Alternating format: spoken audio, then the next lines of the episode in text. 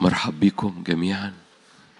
ازيكم هبتدي إن أنا أشجعك فعلا لترقية في هذا الاجتماع روحية. كنت في القاعة أو بتشاهدنا.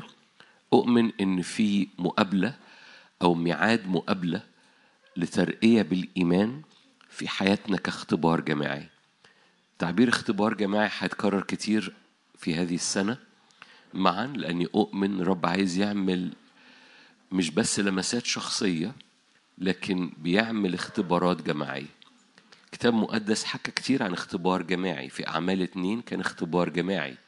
النار ما انسكبتش على واحد ونص. النار ما انسكبتش على شخص إيمانه مرتفع بطرس أو أي شخص من الرسل الآخرين. وبعد كده الباقي 120 ما أظن متهيألي ما حدش فيكم يعرف أسماء ال 120 كلهم. ففي ناس ما كانتش قامات روحية في العلية ما كانوش من القامات الروحية من الحداشر أو من السبعين حتى. لكن الاختبار كان اختبار جماعي النار انسكبت على راس كل واحد فيهم كلهم اتملوا بالروح القدس كلهم اتكلموا بالروح كلهم تنبأوا عن الرب وبالتالي في حاجة في الكتاب المقدس بتحمل لنا هذه الإمكانية لاختبار جماعي مش معتمد على قامة روحية أو على أحاسيس أو على تاريخ مرة تاني ولا على أحاسيس. يعني ممكن البعض لا يشعر لكن القصة مش شعور أو عدم شعور.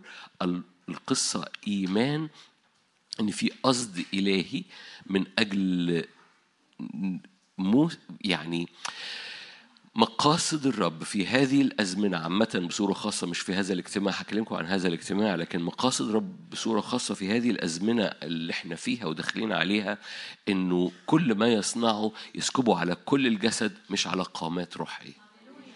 عشان كده المؤتمر اللي جاي اسمه نهضة القديسين.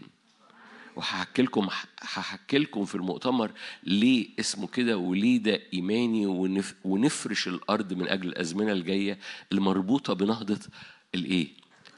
القديسين نهضة القديسين كلهم. فرجوعا مرة تاني في لأن هذا الموسم هو موسم الرب يسكب فيه اختبارات جماعية أيا كان مستويات القامات الروحية أو التاريخ الروحي أو المشاوير الروحية لكن الرب يسكب على الجسد كله. على ال 120 انسكبت جمرة النار هي جمرة النار. شعلة النار هي شعلة النار. على راس بطرس على راس تيموثاوس على راس فيلبس على راس اللي ما نعرفش أسمائهم. هو هو نفس الاختبار. كلهم صلوا بالروح كلهم تنبأوا عن الرب. نفس الاختبار الجماعي.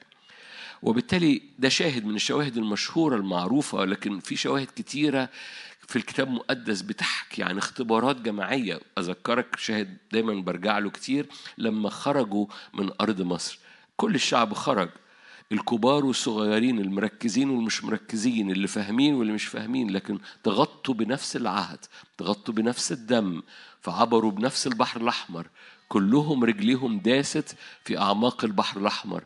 كلهم رجليهم شافت السحابة اللي بتغطيهم.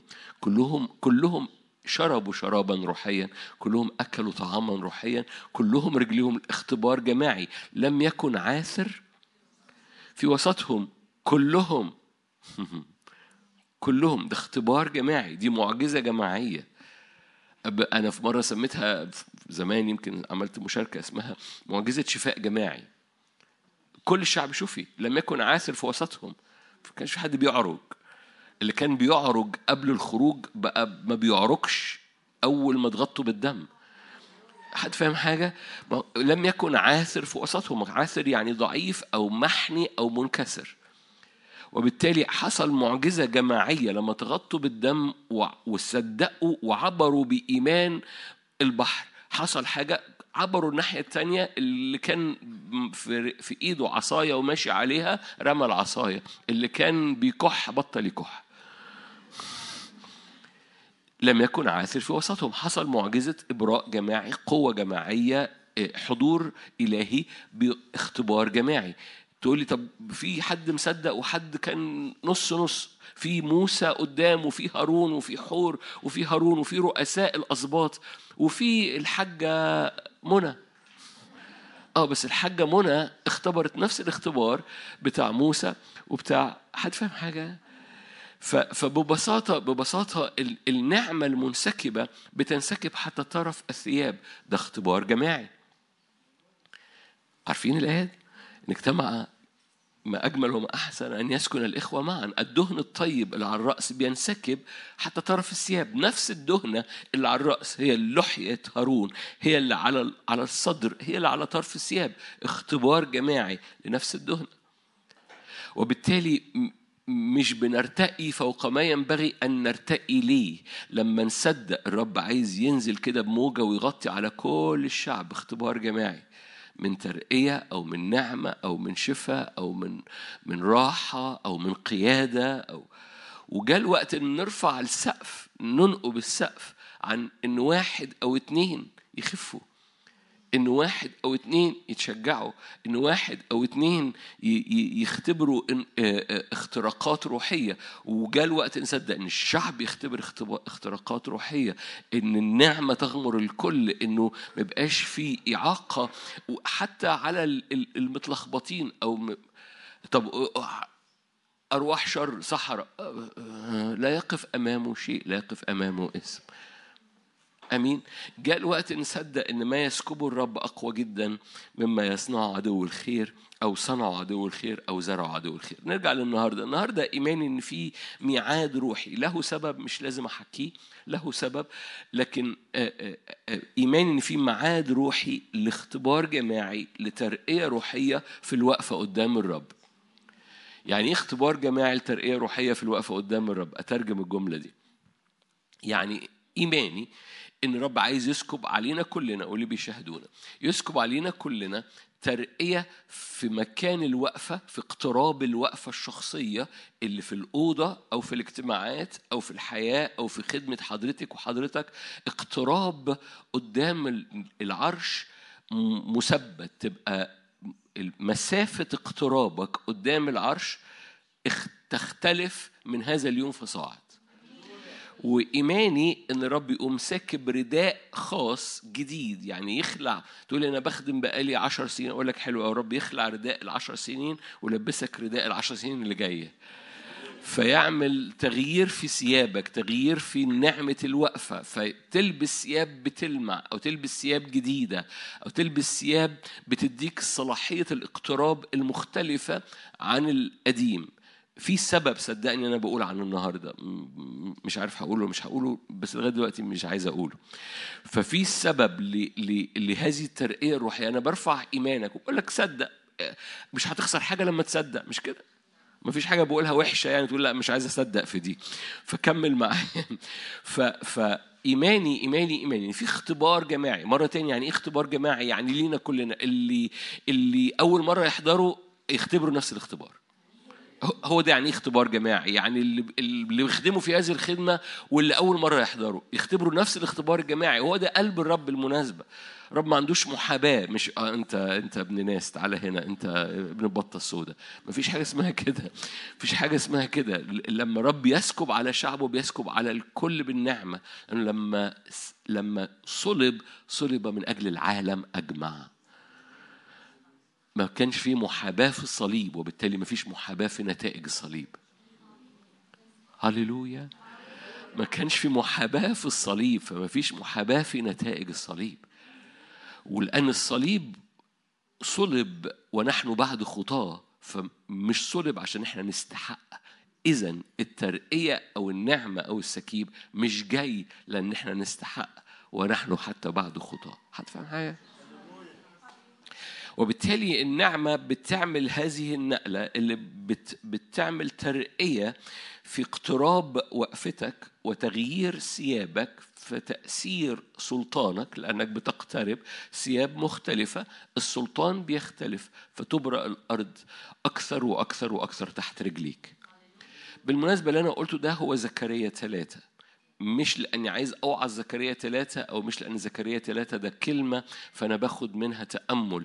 لا اللي أنا قلته لك ده إدراك إيماني إن الرب يريد أن يصنع هذا اليوم هذه الترقية بالإيمان في حياة باختبار جماعي في حياة الكل. ودي صلاتي ودي رفعة إيدي النهارده من أجل هذه النعمة حتى اللي بيقول ده كلام مشجع بس إنه يختبر هذا الاختبار. إيه اللي حصل في زكريا؟ ثلاثة لو أنت مش فاكر أذكرك مش مش لازم نفتحها. ممكن نفتحها ممكن ما نفتحهاش إنه إن يهوشع الكاهن العظيم ده خادم. already كان خادم. بس على مدار السنين على مدار الخدمة ثيابه تلوثت. ثيابه ما بقتش fresh وبالتالي واقف بثياب قذرة بس قدام الرب. زي ما حضرتك واقف النهارده قدام الرب إن كنت خادم لسنين طويلة أو و وانهكت أو ثيابك تلوثت أو اول مرة تحضر. في حاجة بتحصل قدام الرب وانت واقف قدام الرب. يهوشع اللي لابس ثياب قذرة بس واقف قدام الرب. وفي حركة من أرواح الشر يقول لك ملاك الشيطان يقاومه يقاوم هذه الوقفة. بس الرب طالما انت واقف قدام الرب رب يحامي عنك. طالما انت واقف قدام الرب في حركة من عرش النعمة على وقفتك قدام الرب. مفيش حد بيقف قدام الرب بدون نتيجة. ارجع الاجتماع الاربع مفيش حد بيقف قدام الرب بدون نتيجة. ولو في سلب في تركيزك إن في نتيجة لكل وقفة قدام الرب اقف فلا يحدث سلب. واسمع اجتماع الاربع اللي فات. وبالتالي لما بتقف قدام الرب الرب يحامي عنك فالرب حامى عن يهوشع. قال ده ده شعلة منتشرة من النار. لينتهرك الرب يا شيطان. فالحرب اللي بتحصل وانت واقف قدام الرب تبتدي تهدى. حرب على ذهنك على قلبك على مشاعرك ومش قادر تركز. هذه الحرب تبتدي تهدى أول ما بتسكن قلبك قدام الرب. ولأنك جيت هذا الاجتماع أنت عايز تسكن قلبك قدام الرب. عايز اشجعك إنه إن أهم حاجة مش اللي بيحصل حواليك لكن أهم حاجة هو قلبك المرفوع قدام الرب. هو ده اللي بيفتح القناة لاستقبال كل حاجة الرب عايز يسكبها. فانسى أي حاجة انسى انسى الكلمة انسى الترانيم انسى كل حاجة وافتح قلبك. كثيرين كثيرين كثيرين بيختبروا يقول لي أنا أنت عمال بتتكلم وأنا سبتك. بنبسط قوي من مشاهدات زي كده بيبقى دمها خفيف جدا. بيقول أنت عمال تتكلم وأنا سبتك ورفعت عيني لفوق وغمضت عيني ورفعت رأسي لفوق وقعدت أكلمه في وسط الوعظة. وقام الرب مكلمني وقام الرب قايل لي وقام الرب سكب وقام الرب حسم الموضوع في وسط الوعظة. موضوع هذا الشخص لم يكن له علاقة بأي حاجة بالوعظة. هو قطع المشوار هو تواجد في الأجواء وقام حفر لنفسه حفر, حفر لنفسه طريق قدام العرش في وسط الكلمة. الكلمة ملهاش دعوة بموضوعه الكلمة ملهاش دعوة باللي هو جاي من أجله. هو حفر طريق شخصي بس في أجواء الاختبار الجماعي في أجواء الجسد. فاهمين حاجة؟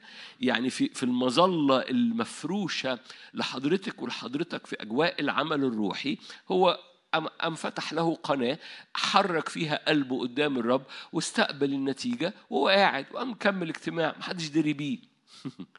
بس هو شاهد عن هذا الاختبار بعد كده. ما أروع هذه الاختبارات بالنسبة لي القصة مش الوعظة ولا الترنيمة القصة إن قلبك بيتلامس بيقترب وبياخد حاجة من عرش النعمة. هو ده أهم حاجة وده هدف الاجتماع. مش هدف الاجتماع إنه أوعظك هدف الاجتماع إنك تستقبل حاجة من عرش النعمة.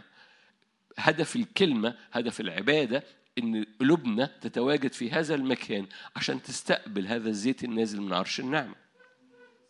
فإيه اللي حصل؟ ام الرب قالوا لي ينتهرك الرب يا شيطان. ليه؟ لأنه هذا شعلة الرب أم محامي عن يهوشع. ماشي؟ فده أول حاجة. وتواجدك قدام الرب. حتى أول مرة تحضر أو بقالك سنين طويلة قال انزعوا عنه الثياب القذرة. في في مش ثياب القذر لأنه خاطئ. لو ثياب قذر لأنه خاطي انزعوا عنه ثياب القذر. لو ثياب قذر لأنه أنهك أو تعب أو أو بقاله يهوشع الكاهن العظيم. ماشي؟ بقاله سنين بنفس الليفل بنفس المستوى بنفس الثياب. هي هي نفس النعمة اللي على حياته. انزعوا عنه ثياب القذرة البسوه ثياب جديدة يعني نعمة جديدة. هتفهم؟ ترقية جديدة. فانزعوا عن الثياب اللي بقت هي هي. الثياب المعتادة الثياب اللي اتعود عليها يهوشع الكاهن العظيم اللي بيقف قدامي كتير بس هي هي نفس الثياب بقالها كذا سنة.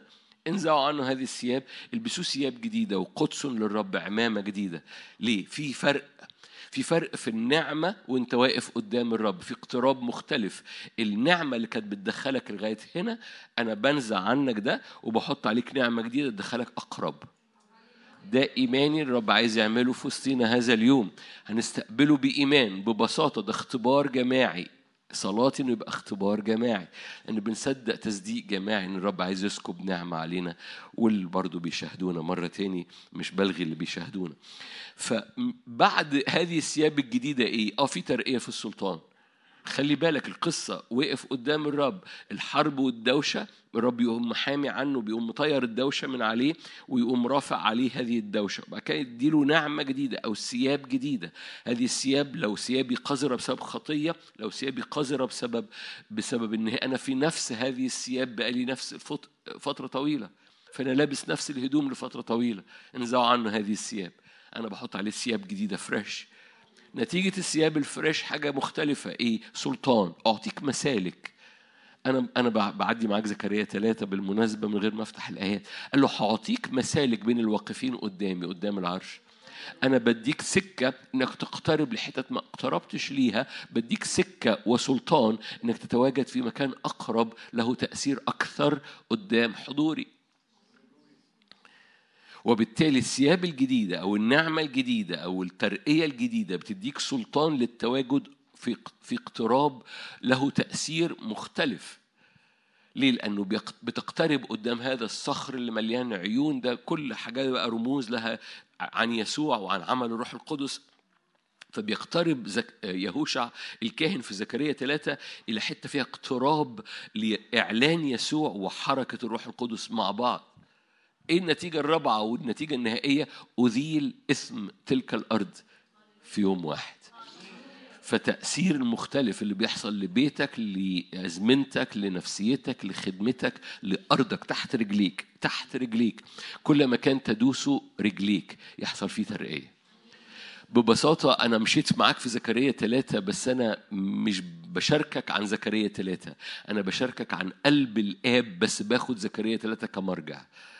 إيماني إيماني إيماني إن قلب الآب عايز يعمل هذه الترقية في حياتنا كاختبار جماعي في البيت أو في هذا هذه القاعة كاختبار جماعي في هذا اليوم.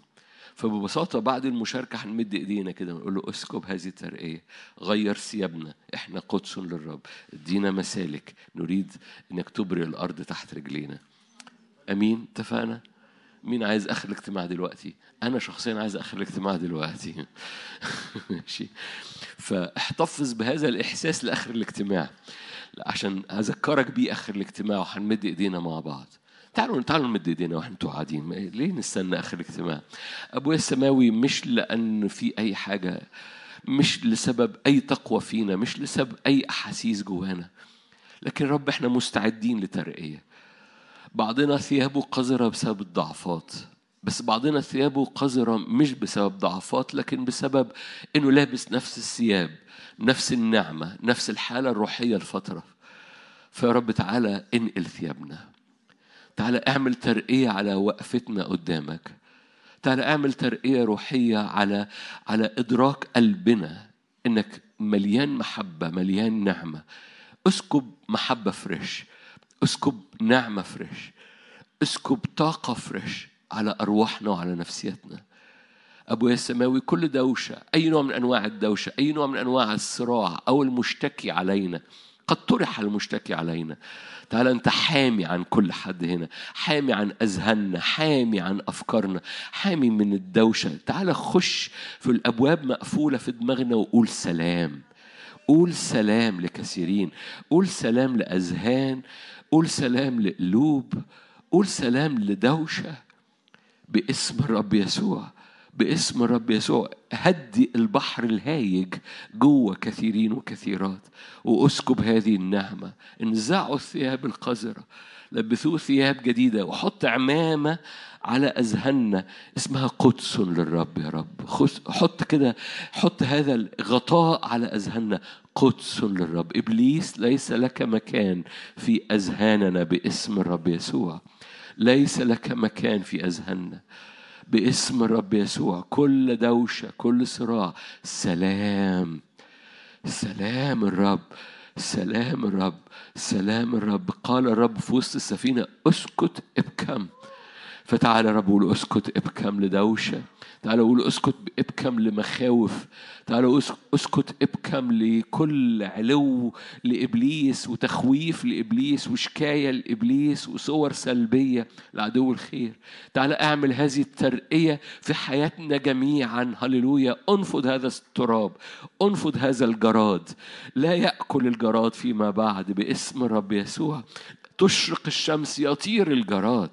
باسم كل حاجة بتاكل في أذهان كل حاجة بتاكل في قلوب. ترتفع من علينا ثياب قذرة وعمامة مكتوب عليها قدس للرب. نعم ادينا مسالك يا رب ترقية جميعا مسالك في البيت مسالك في ال في ال في, ال في الوقت مسالك في التواجد قدامك في اسم الرب يسوع. في وسط الهيجان في وسط الزلازل قلوب مليانة سلام.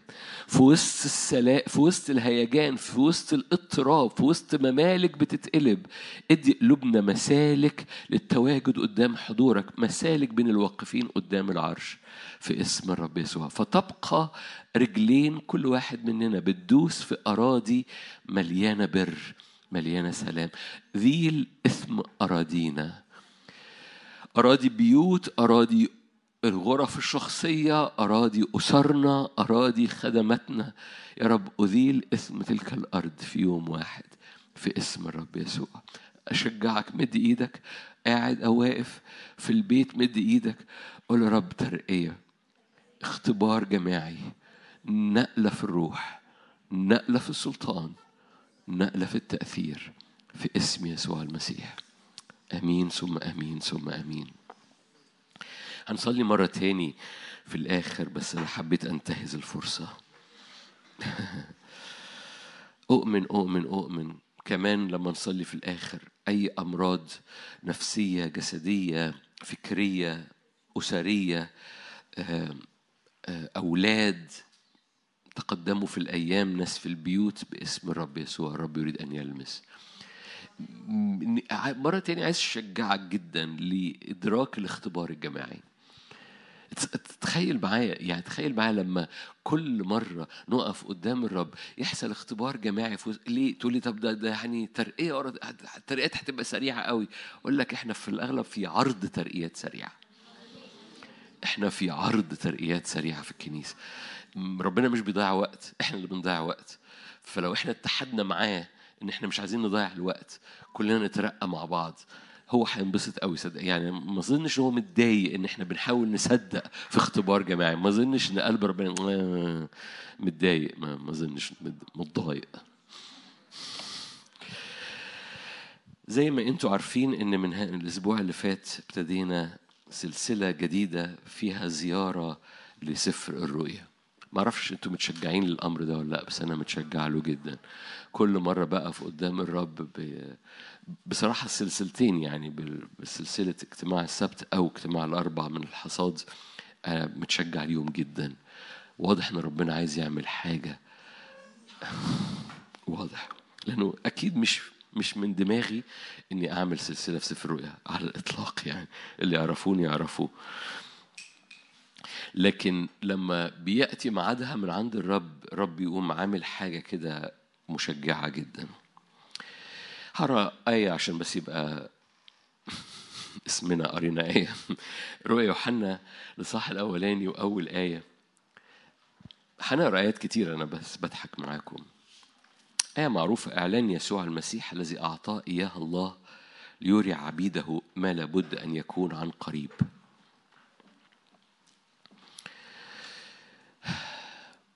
ما أعرفش عنك بس كلنا عارفين في سمعة على سفر الرؤيا. إن هو إيه سفر الأختام والأبواق وال واللعنات والوحش والتنين اللي خارج من البحر وكوارث. الآية دي بتقول حاجة تاني خالص. بتقول حاجة ومهم إنك تدركها عشان تدرك الانتصار بتاع الرب للكنيسة واللي الرب عايز يعمله في الكنيسة.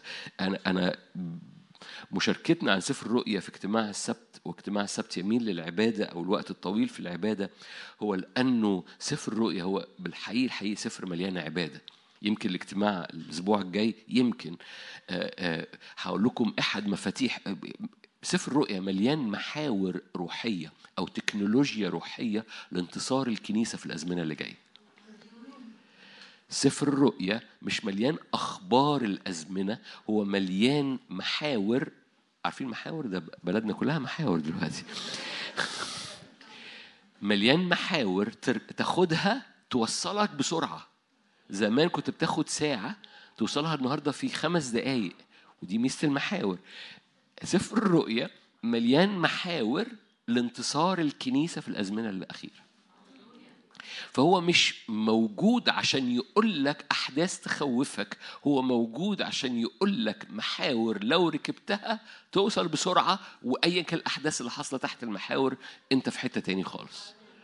سفر الرؤيا سفر تشجيعي مليان عبادة مليان نار مليان كنيسة مجيدة. بالمناسبة وهتشوف مش هفوت ولا اصحاح منهم ما تخافش. خلي بالك هو بيتكلم على إيه؟ مثلا مثلا مثلا ليري عبيده ما لابد أن يكون عن قريب. حلو قوي يبقى هذا السفر ليري عبيده ما لابد أن يكون عن قريب. اذا هذا السفر عشان يحكي لك على الوحش والتنين اللي خارج من البحر. نو. no. هذا السفر عن إعلان الجملة لو أنت بتحلل منطقي لو أنت بتكتب أنت اللي بتكتب بلغة عربية هذه الآية مش هتحطها كده. هتقول هذا السفر هذا السفر لإعلان ما لابد أن يحدث. هذه النبوة نبوة عن الأزمنة الأخيرة. هذا هذه هذا الكتاب لو قلنا أنه كان بيتكتب في مخطوطة هذا الكتاب لكي يعد الكنيسة للأزمنة الصعبة اللي جاية. هذا السفر موجود علشان تاخدوا بالكم وتصحصحوا يا نايمين. no. no. رسول يوحنا بيقول لك no. no. ده إعلان يسوع المسيح. ده مش إعلان يسوع المسيح ده إعلان الأزمنة الأخيرة. no no no no no ده مش إعلان الأزمنة الأخيرة ده إعلان يسوع المسيح. لأن إعلان أو شهادة يسوع المسيح إعلان يسوع هو المفتاح هو أحد المحاور الأساسية في سفر الرؤيا اللي فيها بتنتصر على كل حاجة ستحدث. ما تفوتهاش بسرعة. أنا لو أنت كنت موجود أنا مش عايز أذكرك بالسبت اللي فات لكن الرسول سوري الملاك قال ليوحنا لما يوحنا حاول يسجد لي قال له بص حبيبي لا تسجد لي اسجد إلى الله لأن شهادة يسوع هي روح النبوة. النبوة دي روحها سفر النبوة ده سفر الرؤية ده روحه هو شهادة يسوع. وحكيت معاك الفرق ما بين شهادة يسوع وشهادة المسيح. هو هو المسيح المتجسد. ببساطة ببساطة وأنا هاخد دقايق في الحتة دي مرة تانية عشان أثبتها. إعلان يسوع فيك إعلان المسيح فيك إعلان الله في الجسد هو محور أساسي بدونه لا يمكن أن تنتصر الكنيسة في الأزمنة الأخيرة. إعلان يسوع المسيح. هذا الإعلان هو اللي فيه الكنيسة بتنتصر على ما لابد أن يكون عن قريب. بدون هذا الإعلان اللي بيطلع شهادة لأنه روح النبوة هو شهادة بيطلع صوت يعني. خليني أقول لك عملي أنا أنا حريص قوي النهارده إنه التفسير يبقى تطبيقي. بمعنى إيه؟ بمعنى إدراكك ليسوع فيك في كل مواجهة في كل خبر في كل شغل في كل حركة مع أرواح الشر. سيزداد هذه الترقية إن أول حاجة تملى الكنيسة في كل مواجهة هو شهادة يسوع. أول حاجة بتخرج من قلبك هو يسوع المتجسد. أول حاجة بتخرج في حياتك هو أنهار اللي خارجة من بطنك المؤمنين تجري من بطونهم أنهار ماء حية. قال هذا عن الروح القدس اللي عمال بيشهد يسوع هنا. إعلان أهيا الذي أهيا أو رب هنا أنا هو. هو دور الكنيسة إنها تعلنه في الأرض في الأزمنة اللي جاية طول الوقت. هو شهادة يسوع أنا هو. تعرفين يسوع لما اتولد أعلن أهيا اسم أهيا الذي أهيا في العهد الجديد في ميلادة يسوع اسمه إيه؟ أشكرك. ثانك يو عمانوئيل. عمانوئيل يعني إيه؟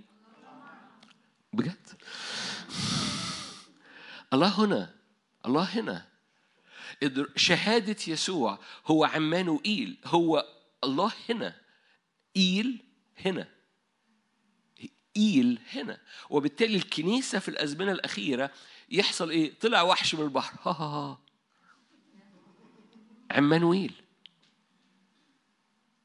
طلع خبر عجيب. عمانويل.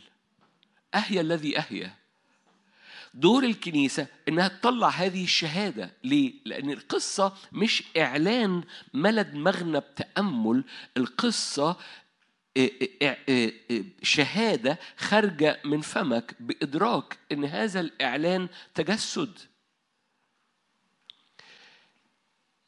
ايا كان هرجع أقول مرة جم الجمل اللي قلتها من ثواني مرة تاني عشان بس تدركها. ايا كان الخبر ايا كان المواجهة. ورب عمال بيعدك عمال بيعدنا وبيعدنا مازال بيعدنا. يعني هو أكشن وإيدينا في الحقل يعني. إنه إنه كل مواجهة بتمر بيها. ابتدي تدرب نفسك لأن خلي بالك سفر الرؤيا هو بيوريك المحاور اللي فيها تنتصر الكنيسة في الأزمنة اللي جاية. أحد المحاور إنه ايا كان التحدي ايا كان المواجهة ايا كان اسم المرض ايا كان اسم الخوف ايا كان اسم اللي مطلعاه العالم أو مطلعه بابل أو مطلعه أرواح الشر من فمه. ايا كان هذا الاسم الشهادة اللي خارجة من فم حضرتك هي اهيا الذي اهيا كل إعلان الرب أطلقه عن اسمه ده أنا هرجع معاك وهثبت هذه النقطة أنا حريص جدا عليها لأنه دي مش كلمة وعظيه ده سفر الرؤية. كل إعلان الرب قاله في اسمه إن كان يهوى رفا إن كان يهوى مقدشكم إن كان آه، آه، آه، يهوى صباؤوت إن كل إعلان من دول هو شهادة يسوع. اللي لازم تخرج من فمك بإيمان إن الرب هنا الرب المتجسد هنا أهيا الذي أهيا وأنت ماشي في كل مواجهة. هذه الشهادة هذا الخارج من فمك هو هو بوقف نفسي عن كلمات عشان هقولها بعد دقايق بعد ما أقرأ لك حبة آيات زيادة. هو مش معلومة فكرية لكن هو إيمان جاي من إعلان ملا هويتك خليني أثبت الحتة دي. تعالوا معايا لسفر الخروج. أنتوا كويسين؟ الإعلان ده مش بيحصل في دماغك الإعلان ده بيحصل جوه روحك جوه قلبك. فالقصة كلكم عارفين هذا التعبير لأنه تعبير قديم قالوه الخدام من سنين طويلة. المسافة ما بين هنا وهنا مسافة قصيرة جسديا لكن مسافة مهمة روحيا. يعني يبقى عندك معلومة فكرية لكن المعلومة الفكرية ما تبقاش تأمل تتحول إلى إدراك قلبي ثابت جواك. لو حد سألك اسمك إيه ما بتفكرش. ليه؟ لأن بقى حاجة جوه قلبك. على مدار السنين انت نفسيا تشبعت بيها أدركتها. ما بتفكرش مرتين اسمك إيه. زي ما بتفكرش اسمك إيه مش هتفكر هو الرب هنا ولا لأ. هو الرب متجسد جواك مليك الهوية بتاعتك بقت يسوع ولا لأ. إيه اللي يعمل ده؟ هو المسافة ما بين إنه الرب جاء في الجسد يسوع المسيح فيكم كلنا حافظين الآية مش كده؟ المسيح فيكم رجاء المجد بس كلنا حافظينها هنا. أول ما يبقى المسيح فيا ده زي اسمي زي اسمي بمعنى إيه؟ يضغط عليا المسيح هنا. سمعنا خبر الوحش أبو سبع عروس خارج من البحر خرج من البحر. المسيح هنا. أول ما تبقى الهوية زي أنا اسمي كذا ما بتفكرش فيها مرتين. إيه اللي إيه اللي إيه اللي, إيه اللي يخليها ما بتفكرش فيها مرتين؟ إنها اتنقلت من هنا لأن هنا بيضطرب هنا بيخاف. هنا بتأتي أفكار تقوم محوداه يمين تأتي أفكار تحوده شمال. لكن القلب أو الهوية لو جه حد يقول لي اسمك حاجة تاني آه ساكت أنا عارف اسمي إيه. أول ما الإعلان يملأ قلبك ما ما ما ما فيش حاجة الشهادة جاهزة. وفمك جاهز بالشهادة أن روح النبوة روح سفر النبوة روح سفر الرؤية هو شهادة يسوع المسيح. القلب بتاع سفر الرؤية مش الوحش مش القضاءات مش الأختام لكن القلب بتاع سفر النبوة مش مما سيحدث والدنيا رب وربنا هيقلب الدنيا كلها. نو. القلب بتاع سفر الرؤية هو شهادة يسوع. هو إن كل حاجة فيك بتشهد يسوع. إن أول حاجة بتطلع من بقك لما يحصل أي حاجة يسوع. بس مش بتقول يسوع بتدين بتقول يسوع بهوية. مش بتقول يسوع لأنه لأنك حضرت الاجتماع ده. لك بتقول يسوع لأن هو ده اللي خارج منك هو دي الشهادة اللي خارجة منك يسوع. ولأن يسوع ده اهيا عمانوئيل الله هنا يسوع يسوع ده أهيأ أنا هو. آية ده وقع وقع كل سحرة مصر. أيام موسى. فكان بالحري في العهد الجديد كانت خدمة موسى في مجد كان بالحري خدمة الروح في مجد أعظم. سفر الخروج خروج 33 بهذه الروح بالمناسبة هنتحرك في سفر الرؤيا بس هنتحرك في محاور كتيرة في يعني محور العبادة ده هناخده في اجتماع من الاجتماعات. مش عارف يمكن الاجتماع اللي جاي يمكن الاجتماع اللي وراه لكن العبادة متنوعة في حوالي سبع مرات. أنا من كتر ما أنا متحمس للموضوع هديكوا حتة. في سبع مرات حصل عبادة ليها نوع معين هخليها بقى المرة لما أشارككم فيها نوع معين من أنواع العبادة خرج في سفر الرؤيا وكل مرة موجه بطريقة مختلفة وكل مرة له نتيجة مختلفة. فتحت شهيتكم؟ في محور اسمه عبادة مكمل في سفر الرؤيا وكل مرة بيعمل نقلة وترقية. آه أقف يا نادر عن إنك تحكي كل حاجة. خروج 33 أصل كنت قاعد مع قاعد مع القصة دي امبارح بالليل ف... فكنت مبسوط خروج 33 آية سبعة أخذ موسى الخيمة ونصبها له خارج المحلة بعيدا عن المحلة ودعاها خيمة الاجتماع دعاها خيمة إيه؟ إحنا متعودين خيمة الاجتماع بس خيمة الاجتماع دي يعني خيمة إيه؟ اللي بيجتمع فيها موسى مع مين؟ آه هللويا انت عندك خيمة اجتماع؟ أوكي. ودعا خيمة الاجتماع. فكان كل من يطلب الرب يخرج إلى خيمة الاجتماع التي خارج المحلة. هو يعني أي حد كان بيخش؟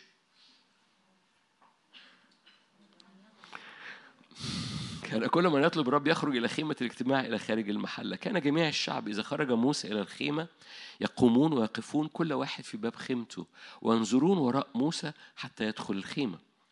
كان عمود السحاب إذا دخل موسى الخيمة ينزل ويقف عند باب الخيمة ويتكلم الرب مع موسى. يرى جميع الشعب عمود السحاب واقفا عند باب الخيمة. ده مقابلة ما بين السحاب وموسى. ده الحتة اللي فيها السحابة بتنزل على موسى. يقوم كل الشعب ويسجدون كل واحد في باب خيمته. طب موسى جوه الخيمة بيتقابل مع السحابة. دول ساجدين لإيه؟ يكلم الرب موسى وجها لوجه. يكلم الرب موسى وجها لوجه. كما يكلم الرجل صاحبه. إذا رجع موسى إلى المحلة كان خادمه يشوع ابن نون الغلام لا يبرح من داخل الخيمة. أمين نقف هنا. أنا ليه جبت القصة دي؟ لأن القصة دي بتحكي عن السيناريو بيحصل في العهد الجديد بطريقة معينة وهستعمل تعبير برضو علقت عليه الأسبوع اللي فات بس عايزه يستمر جوانا لأنه أؤمن الرب عايز يزود هذا التعريف جواك خلال هذه السنة. موسى أم أخذ الخيمة بره ليه؟ لأن القصة دي هو مكان مختلف عن الطبيعي، مكان مش عادي، أخذ الخيمة بره الجماعة وسماها دي الخيمة اللي بجتمع فيها مع الرب سماها خيمة الاجتماع. بالمناسبة ما كانش حد تاني بيخش. يعني دي الخيمة اللي بيجتمع فيها موسى مع الرب. كان ممكن الشعب يقف بره لكن ما كانش بيحصل إن السحابة تنسكب إلا ما كان موسى يخش. بمعنى أستنى على المعنى شوية. إنه دي كان كان موسى يخرج وكل الشعب يتفرج. موسى خارج علشان يقابل الرب في هذا المكان. وموسى خارج من من خارج المحلة كان كل الشعب بيتفرج. اذا ده كان مكان بعيد عن الخيام بتاعة الشعب فبيتفرجوا على الخيمة اللي محطوطه لوحدها وموسى خارج وكل الشعب يقف على باب خيمته لأنه شايفين موسى رايح. موسى راح يقابل الرب. وموسى يقوم داخل الخيمة فالسحاب يستقر على الخيمة والسحابة تستقر على موسى ويكلم الرب موسى وجها لوجه. خلي بالك فاكرين بعد شوية قالوا لا ينظر أحد وجهي القصة كلها إن هذه السحابة كانت تستقر على موسى ليه؟ لأن الخيمة دي كانت خيمة موسى أحد المسميات بتاعت خيمة الاجتماع في الوقت ده دي كانت خيمة موسى يعني إيه خيمة موسى؟ عشان كده السحابة ما كانتش بتنزل إلا لما موسى يخش. تطبيق عملي. الإعلان شخصي جدا باسمك، حضرتك لازم تخش خيمتك. لأن في خيمتك إعلانك. شهادة يسوع المسيح بتاعتك. شهادة يسوع المسيح اللي فيها الهوية بتاعتك في الرب لازم تحصل في الخيمة بتاعتك. ممكن أنا أتفرج عليك في خيمتك لكن في خيمتك السحابة مش هتنزل عليا في خيمتك السحابة هتنزل عليك في خيمتي السحابة هتنزل عليا هذه الخيمة هو العلية وأنا قلت هذا التعبير وهكرر هذا التعبير العلية هو المكان اللي فيه الكنيسة بتتقابل مع السماء حضرتك بت... السماء بت... السماء بتنزل على الكنيسة العلية. هذا التعبير تعبير روحي. يعني إيه تعبير روحي؟ في العهد الجديد مش بقول لك روح مكان بره أنا بقول لك روح مكان جوه. بس هذا المكان ما حدش يقدر يخش له. هذا المكان بتاعك باسمك. هذا المكان قلبي. كنت في الروح فاكرين سفر الرؤيا؟ كنت في الروح في يوم الرب. ده إيه؟ ده دخلت في المكان. أنا كنت في بطمس. ده الجغرافيا. أنا بتكلم على يوحنا. كنت في بطمس الجزيرة. لكن وأنا في بطمس رحت الخيمة. كنت في الروح في يوم الرب. فرأيت كنت في الروح دخلت الخيمة فالسحابة جت استقرت. هذه العلية العلية تعريق يعني إيه علية؟ هو المكان اللي فيه السماء بتلمس أرضك. هو مكان الكنيسة بتتقابل فيه مع السماء. العلية هو أعمال اتنين. السماء لمست الكنيسة. شعلات النار على رأس كل واحد منكم. ليه؟ راحوا العلية. العلية هو المكان اللي فيه اللي كان فيه إليشع المرأة فاكرين؟ عملت له مكان على السطح في العلية فده المكان اللي فيه الولد ابنها قام فاكرين لما الولد مات خدته فين؟ طلعته العلية نيمته هناك. ها ها. لأن في العلية الولد بيقوم. خلي بالك القصة دي حصلت مع إيليا برضو. فاكرين لما إيليا كان عند المرأة اللي كوز الزيت ما نقصش فيها؟ الولد مات. أم أخده من تحت؟ هو بقى اللي طلعه. أم أخده من تحت وأم طلعه للعلية بتاعته. ليه؟ لأن في العلية دايما أي حاجة بتموت بتقوم. هتفهم حاجة؟ فالمكان ده هو المكان اللي فيه الإعلان مش كلام الإعلان بيبقى هوية. المكان ده هو الحتة الفوقانية اللي فيها العلية أنا عاجبني تعبير العلية. عشان كده الروح القدس أم من من في, في نهاية السنة وبداية السنة قال أنا عايز أعيد هذا التعريف يبقى جزء من قلب ولادي إنه يبقى مدركين. أنا لما بخش العلية دي العلية الشخصية فكان يخرج إلى خيمة العلية اللي فيها بجتمع مع السماء. السماء بتجتمع بتجتمع معايا. أنا والسما بنجتمع الرب عايز يملى يومك بعليات كتيرة. عايز يب... تقول لي الوحش. أقول لك العلية. تقول لي بس في حاجات ماتت. أقول لك العلية. تقول لي بس أنا خايف. أقول لك العلية. تقول لي ها آه. هقول لك العليه ليه؟ لأن المقابل للعليه يعني وأنا في في في الوقت المقابل للعليه هي هي العالم السفلي. يعني زي ما يكون العلية هو العالم العلوي اللي فيه السماء بتتقابل فيه معاك الإعلان بيستقر جواك الابن اللي مات بيقوم. في المقابل في عالم سفلي. ما أظنش إن حد هنا بيسمعني نفسه يعيش في العالم السفلي. عارفين العالم السفلي ده إيه؟ ده اللي إحنا عايشين فيه. ده العالم السفلي ده اللي هو ال ال ال الحياة اليومية اللي فيها ببساطة بيحصل زي ما السماء بتزور حضرتك في العلية أجناد الشر الروحية بتزور حضرتك في العالم السفلي. فيا إما بتختار العلية يا إما بتختار العالم السفلي.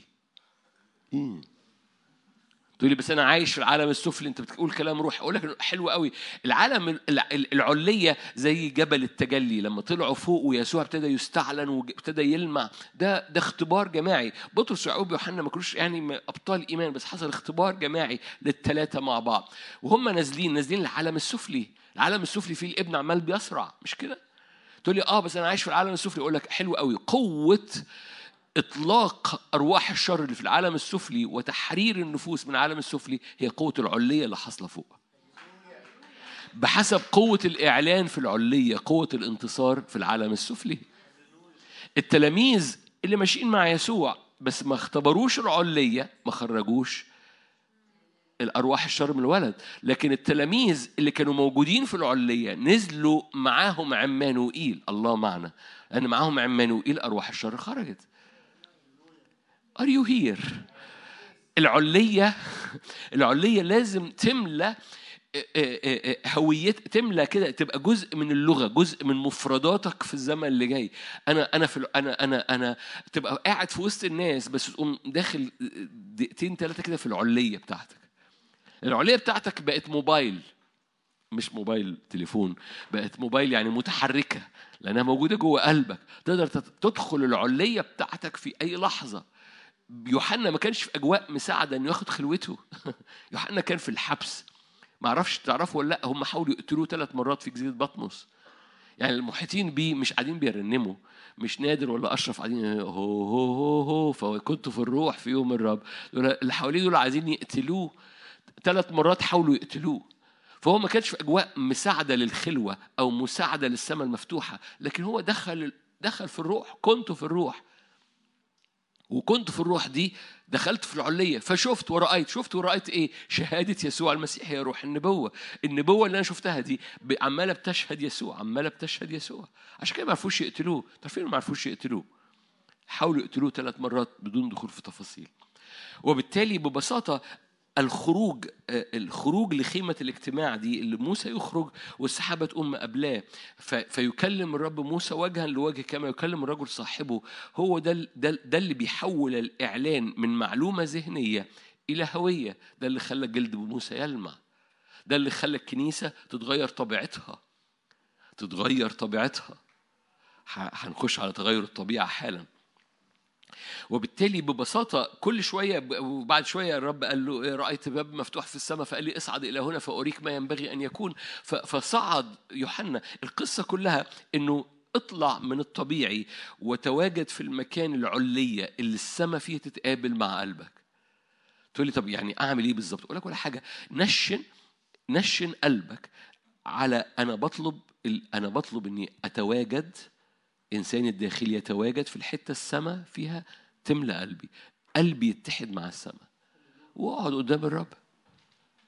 بسكن نفسي. بس أنا أنا داخل عليه في أي حاجة تانية بره.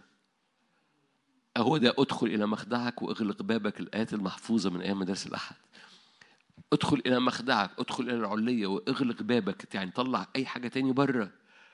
ده اللي ده اللي طلعهم نحامية لما كانوا بيحاولوا يخشوا في يوم السبت. فاكرين؟ لأن يوم السبت هو العلية يوم السبت هو المكان اللي في الروح كنت في الروح قدام الرب. فكانوا كل يوم في أيام فاكرين؟ تعرفوا نحامية؟ في نحامية في صح 12 و 13 هو كان بنى الأسوار. قبل قبل ما الأسوار تتبني الباعة داخلين خارجين لأن مفيش سور. فمش فارق سبت حد اتنين من أربع مفيش سور فالباعة داخلين خارجين. في يوم السبت الباعة داخلين بتجارتهم وبالخضار بتاعهم وبالهدوم بتاعتهم واقفين في يوم السبت والشعب بيتاجر معاهم. بعد ما اتبنى السور بقى في option يا إما تفتح الباب يا إما تقفل الباب. فيقول لك جم يوم السبت يخبطوا على الباب. فرفضنا. فيقول لك قعدوا يجوا سبت ورا سبت لغاية لما زهقوا لأنه دايما لقونا قافلين الباب يوم السبت. بالمناسبة اللي أنا بقراه لك ده آيات في نحمية 13 ارجع ورايا. وبالتالي القصة إنك بتقفل الباب. تقفل الباب ده بمعنى إيه؟ إنك أنا أنا أنا بخش هذه العلية. العلية دي حاجة طالعة لفوق يعني حاجة عالية. هذه العلية هو المكان اللي فيه السماء بتتحد مع قلبي. وتشوف القصة بتاعت عشان كده جبت لك القصص. شوف القصة بتاعت خيمة الاجتماع. شوف القصة بتاعت أعمال اتنين. وتشوف القصة بتاعت إيليا وإليشع إن في العلية الواد بيقوم. فكان قام منيم الولد ونام عليه. ده إيه؟ ده النار الالهيه بتنسكب على كل حاجة ماتت على حياة ماتت في حياتك في العليه العليه مكان جميل جدا. مكان السماء بتلزق في أرضك بتتحد معاك. الحلية ده مكان في قلبك جاهز لحضرتك ولحضرتك في أي وقت. تقوم رافع قلبك تقول أنا بطلع أي حاجة بطلع الباعة بره. زي ما يسوع طلع الباعة من الهيكل. أنا بطلع الدوشة بقفل الأبواب. هتيجي تاني؟ أول, ما يلاقوا الباب مقفول مرة واثنين وثلاثة بيزهقوا. ده اللي حصل في نحامية. جم مرة جم اتنين جم ثلاثة لقوا الباب مقفول كل سبت خلاص نيجي لحد.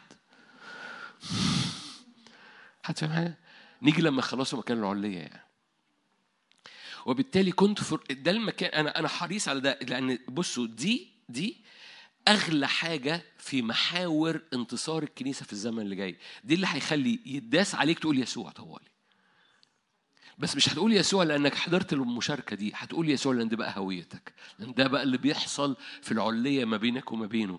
هو ده اللي بقى بيلمع في وجهك لأن أول ما بتخش في العليه وجهه بيلمع. لما كانوا مستخبيين في العليه دخل يسوع وقال سلام لكم. مش محتاج أعمل وعظ عن العليه واللي بيحصل. ماشي؟ واحدة منها هي كان ده كانوا في العلية لما دخل يسوع بعد القيامة وقال سلام لكم. فيسوع بيخش لك وجه يسوع بيلمع في حياتك وانت في العلية ومطارد كل حاجة ويطلق التكليف اللي على حياتك. تعالوا نروح مع بعض للرؤية. أنتوا كويسين؟ حلو سفر الرؤية؟ رؤية واحد. لسه ما شفتوش العبادة ده أنا رؤية واحد. رؤية واحد 12 رؤية واحد سفر رؤية يجنن يجنن. تقول لي لا في أختام. فتحت الأختام. حالا هتنفتح الأختام حاضر. رؤية واحد 12 التفت لأنظر الصوت الذي تكلم معي. لما التفت رأيت سبع مناير. كلكم عارفين المناير هي الكنايس. موجودة حالا بس رأيت سبع مناير من ذهب وفي وسط السبع المناير شبه ابن إنسان متسربلا بثوب إلى الرجلين متمنطقا. أنا آسف هقرأ. أبطأ في وسط السبع مناير شبه ابن إنسان متسربلا بثوب إلى الرجلين. شوف ما تقراش شوف المشهد. متمنطقا عند ثدييه يعني ده سديري مش حزام ده سديري كامل بمنطقة من ذهب. رأسه وشعره أبيضان كالصوف الأبيض كالتلج. يعني في شعر سودة.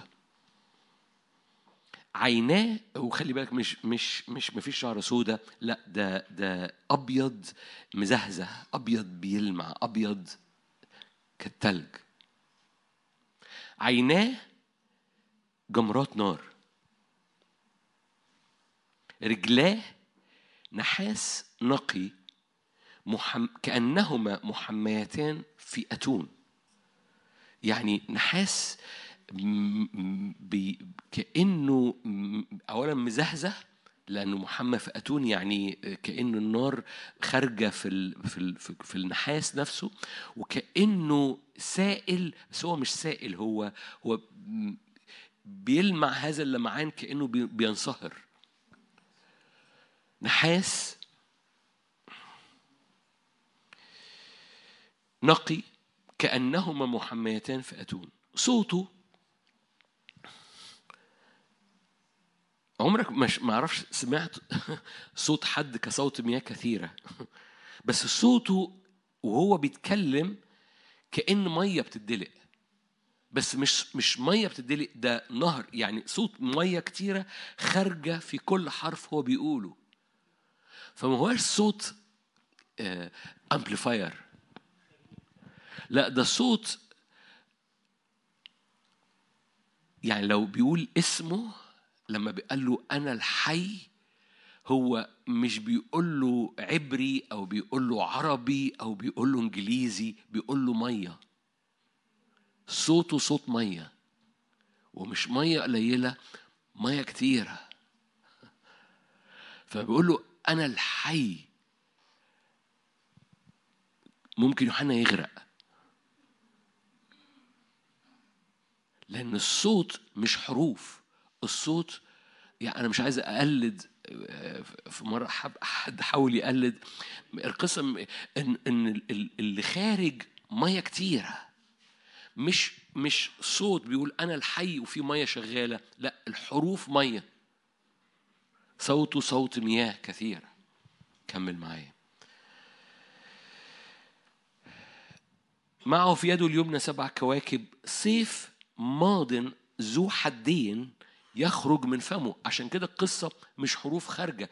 هو لما بيتكلم في مية خارجة بس المية الخارجة في نفس الوقت في سيف ماض ذو حدين خارج من الفم. المنظر صعب إنك تشوفه بس شوفه. سيف ماض ذو حدين خارج من فمه. وجهه خلي بالك ده ده القمة بقى في الآخر. يعني شعره أبيض كالتلج فمزهزه وشه كالشمس. دي وشه كالشمس دي اللي جاية دلوقتي. عينيه جمرة نار. سيف ماض ذو حدين. لما بيتكلم مية الحروف عبارة عن مية كتيرة ف هو بيقول أنا الحي دي وجهه كالشمس. ففي الآخر هو هو بي هو دقق عشان يشوف إن في سيف خارج ولا في جمره نار. بس وجهه كالشمس وهي تضيء في قوتها. يعني الشمس اللي هي إيه؟ يا ريت 12 الظهر. وهي عمودية تماما وهي تضيء في قوتها. طبعا النتيجة طبيعية اللي حصل. لما رأيته إيه؟ سقطت عند رجليه كمان أوكي. هقول جملة. يسوع اللي في سفر الرؤيا غير يسوع اللي في الأناجيل. مش كده ولا يسوع اللي في الاناجيل مسبسب شعره كده؟ كلكم عارفين بتاع فيلم يسوع الناصري كده. يسوع اللي في سفر الرؤيا غير. وده ليه سبب. ليه؟ لأن شهادة يسوع في سفر الرؤيا محور مختلف تماما. عن شهادة يسوع اللي في الأناجيل. هقول هقول الجملة دي مرة تاني. شهادة شهادة يسوع دي في سفر الرؤيا هو أساس انتصارك. العدو مش عايزك تشوف يسوع ده. ولأنك بقيت مؤمن فأنت شفت يسوع اللي في الأناجيل. فخليك في يسوع في الأناجيل مش يسوع ده. أنا عشان كده مشيت بطيء وحاولت أقول لك بص على كل حاجة. ما كنتش عايز أخليك مستغرب لكن العدو مش عايز الكنيسة في هذا الزمن ترى يسوع ده.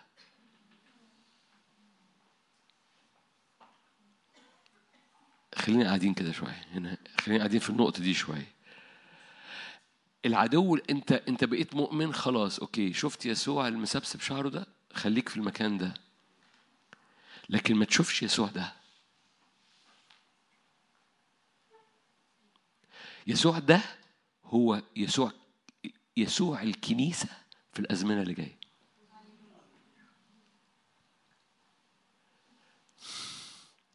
لو يسوع بتاعنا اللي مسبسب شعره هنختبر اختبارات الأناجيل اللي اللي هي قبل الصليب. يسوع ده هو يسوع الممجد بعد ما صعد وجلس عن يمين الآب. يسوع ده هو رأس الكنيسة. فيسوع اللي شعره أبيض ووجهه كالشمس يلمع سيف ماض ذو حدين بسديري من الذهب برجلين كالنحاس النقي المحمى في الأتون بالحامل كل الكنيسة في إيديه وكواكبها في صوابعه. اللي لما يتشاف ما ينفعش يتعمل غير إني سقطت عند رجليه كميت يسوع ده هو العدو مش عايز الكنيسة تراه لكن ترى الوحش. عايزين تتأملوا في الوحش؟ اتأملوا في الوحش. العدو ما عندوش مشاكل. قولوا الوحش مش عارف مين. على فكرة على مدار السنين الوحش ده غلبان ما أقصدش غلبان يعني. يعني الوحش ده كان هتلر وبعد كده الوحش ده كان ال- روما وبعد كده الوحش ده كان مش عارف مين وبعد كده الوحش ده مين ده الوحش ده اتسمى سمى اتسمى سمى يعني. كل شوية كل شوية يطلع لنا وحش. بالمناسبة كل الأسماء دي كانت حركة من أرواح الشر. فأنا مش بلغي إنه هتلر كان حركة من أرواح الشر. مش بلغي إن كل حاجات كل حاجات سميت في الأزمنة بتاعتها إن هو ده الوحش.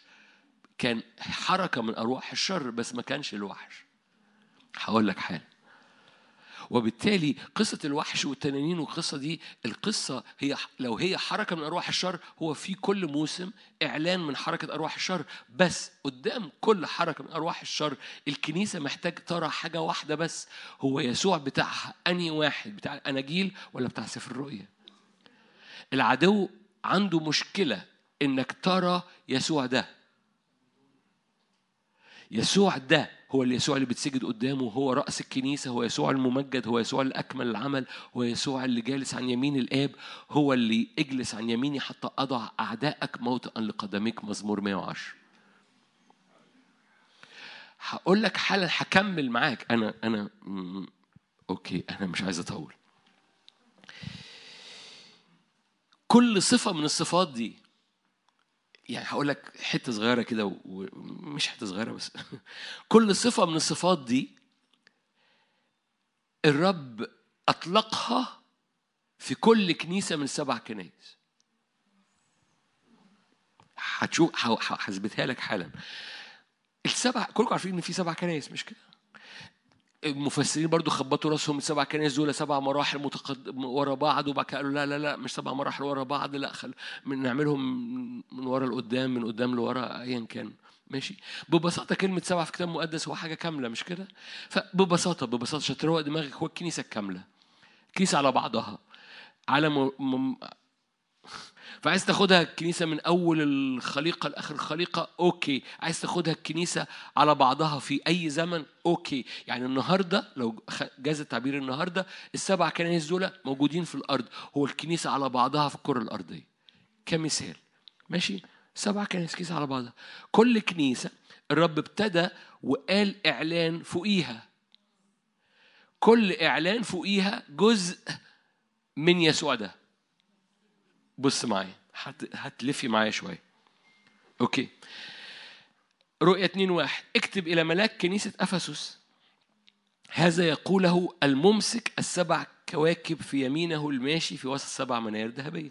دي واحدة من الصفات ولا لأ؟ واحدة من من المشاهد بتاعت يسوع اللي موجودة في أعمال واحد في في رؤية واحد. okay. مش هقف مش هطول. آية 8 اكتب إلى ملاك كنيسة سمرنا. هذا يقوله الأول والآخر الذي كان ميتا فعاش أنا ما كملتش معاكم في لما وقع أمامه كميت قال له ما تقلقش حبيبي قوم أنا هو الميت. أنا الحي كنت ميتا والآن حي أنا هو الأول والآخر. فالكنيسة الأولانية أنا أنا ممسك سبع كواكب. ده في المشهد بتاع رؤيا واحد. أنا الحي وك... أنا الحي كنت ميت وأنا حي أنا الأول والآخر. رؤيا واحد ثمانية آية 12 اكتب إلى ملاك الكنيسة التي في برغاموس هذا يقوله الذي له السيف الماضي ذو حدين فاكرينه؟ okay آية 18 اكتب إلى ملاك الكنيسة التي في ثياتيرا هذا الذي يقوله ابن الله الذي له عينان كلهيب نار ورجلاه مثل النحاس النقي أنتوا كويسين؟ okay إصحاح 3 آية 1 اكتب إلى ملاك الكنيسة التي في ساردس هذا ما يقوله الذي له سبع أرواح الله والسبع كواكب. في بداية كل وتقرأ كده حتى يعني قال عن طبيعته بعد كده لغاية السفر لاودكيين كنيسة لاودكيين ببساطة ببساطة الرب أخذ كل صفة من صفات يسوع الممجد ده يسوع اللي ما بنشوفوش جوانا بالطريقة دي لأن العدو مش عايزنا نرى يسوع ده مش عايزنا نرى يسوع بتاع سفر الرؤيا عايزنا نرى يسوع بتاع الأناجيل أو بتاع فيلم يسوع الناصري. أخذ كل صفة من صفات يسوع سفر الرؤيا وحطها عنوان على كنيسة.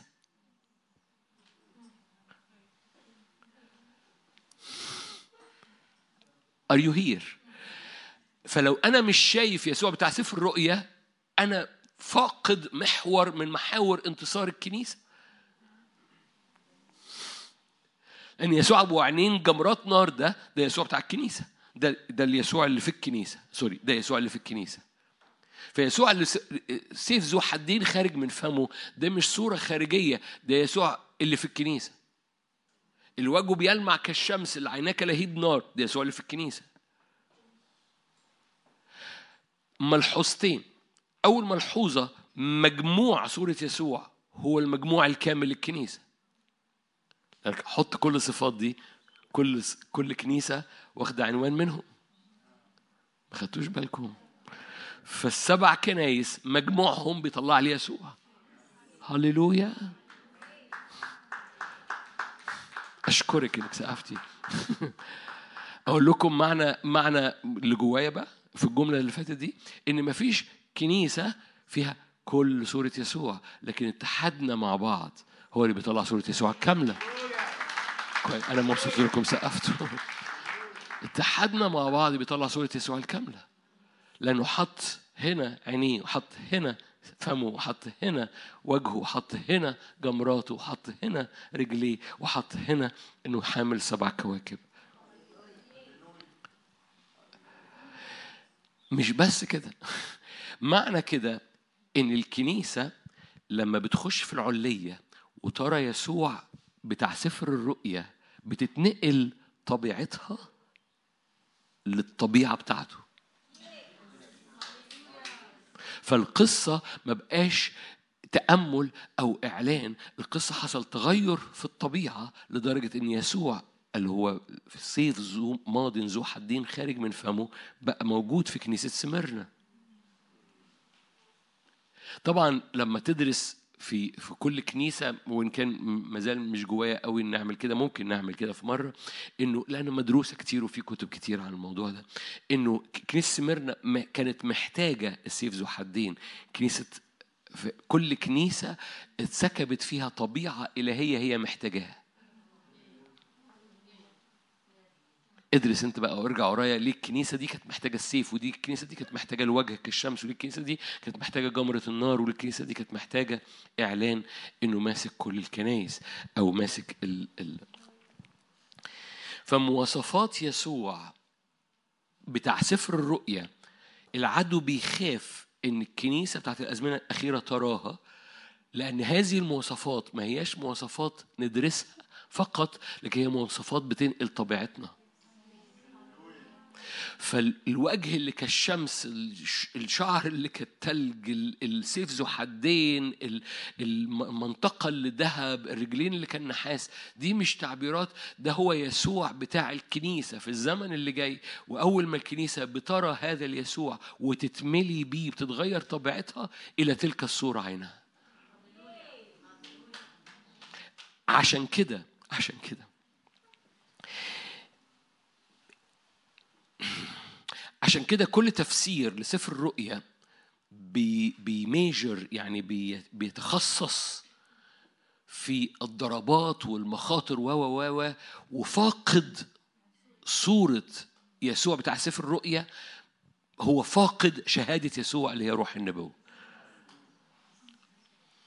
مش مش بنلغي فاهمين؟ يعني مش بنلغي لكن محتاج تدرس روح الكلمة لأن روح النبوة هي هذه الشهادة شهادة يسوع. إيه شهادة يسوع ده؟ يسوع بتاع سفر الرؤيا. اللي بينقل طبيعته للكنيسة. وهقول لك حالا معنى صغير بس أنا حريص إن كل خطوة تتستف جواك. يسوع بينقل طبيعته بتاعت سفر الرؤية للكنيسة عشان الكنيسة ما هياش صفاتها. يعني لو لو جاز التعبير إيه صفات يسوع اللي اللي في في الأناجيل؟ اللي بيتحنن الابرع جمال اللي الأطفال يقول يصنع خير الأطفال بتحبه. ما أكيد بيشفي آه. الأطفال بتحبه. إيه أخبار الأطفال مع يسوع بتاع سفر الرؤيا ده؟ افهمني ما تفهمنيش جسديا افهمني روحيا بمعنى إيه؟ بمعنى إنه ده مش مش اللي بتلعب معاه ده اللي أنا عايز أوصله. ده مش اللي بيتلعب مع ده المهاب ده اللي بيتسجد عنده كميت.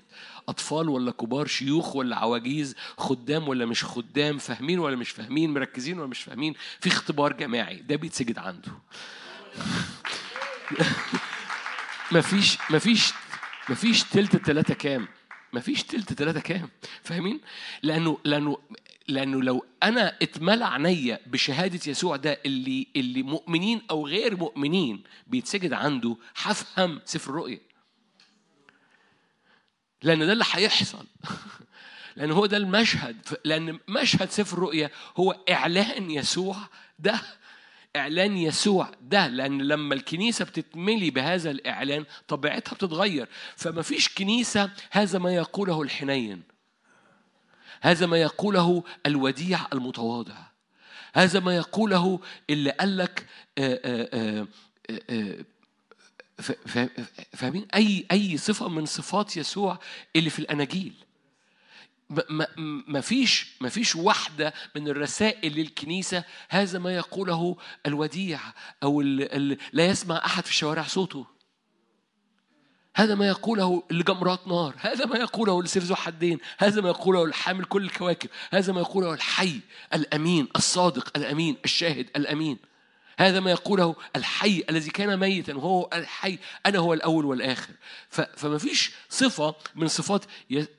أنا مش فرق ما بين الاثنين بس ده, يسوع الممجد ما فيش صفة من صفات يسوع بتاع الأناجيل أطلقت على الكنيسة بتاعت الأزمنة الأخيرة. الأزمنة الأخيرة مليانة الكنيسة بتاعت الأزمنة الأخيرة مليانة صفات يسوع سفر الرؤيا.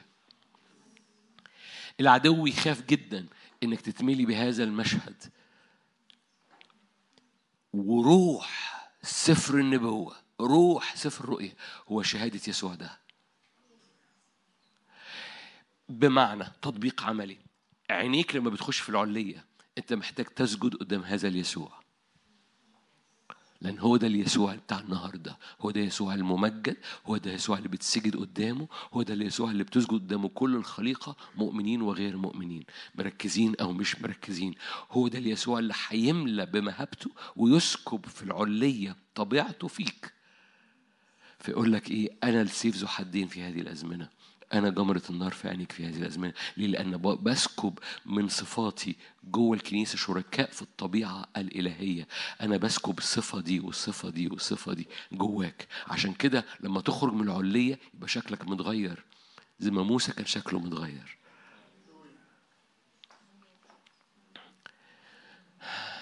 okay عشان الوقت أنا بوقف نفسي. روح معايا. الرب أم عمل إيه؟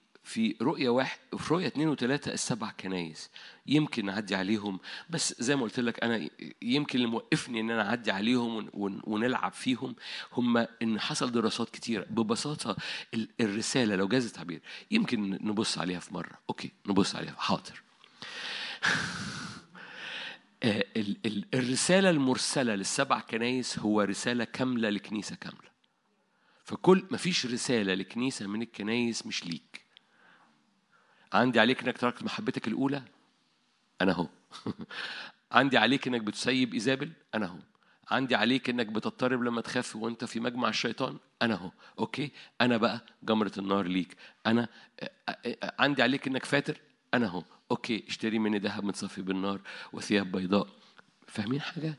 وكحل عينك وحكايته وبالتالي كل رسالة من رسائل الكنائس دول هو رسالة للكنيسة. مجموعها بيخلي الكنيسة جاهزة.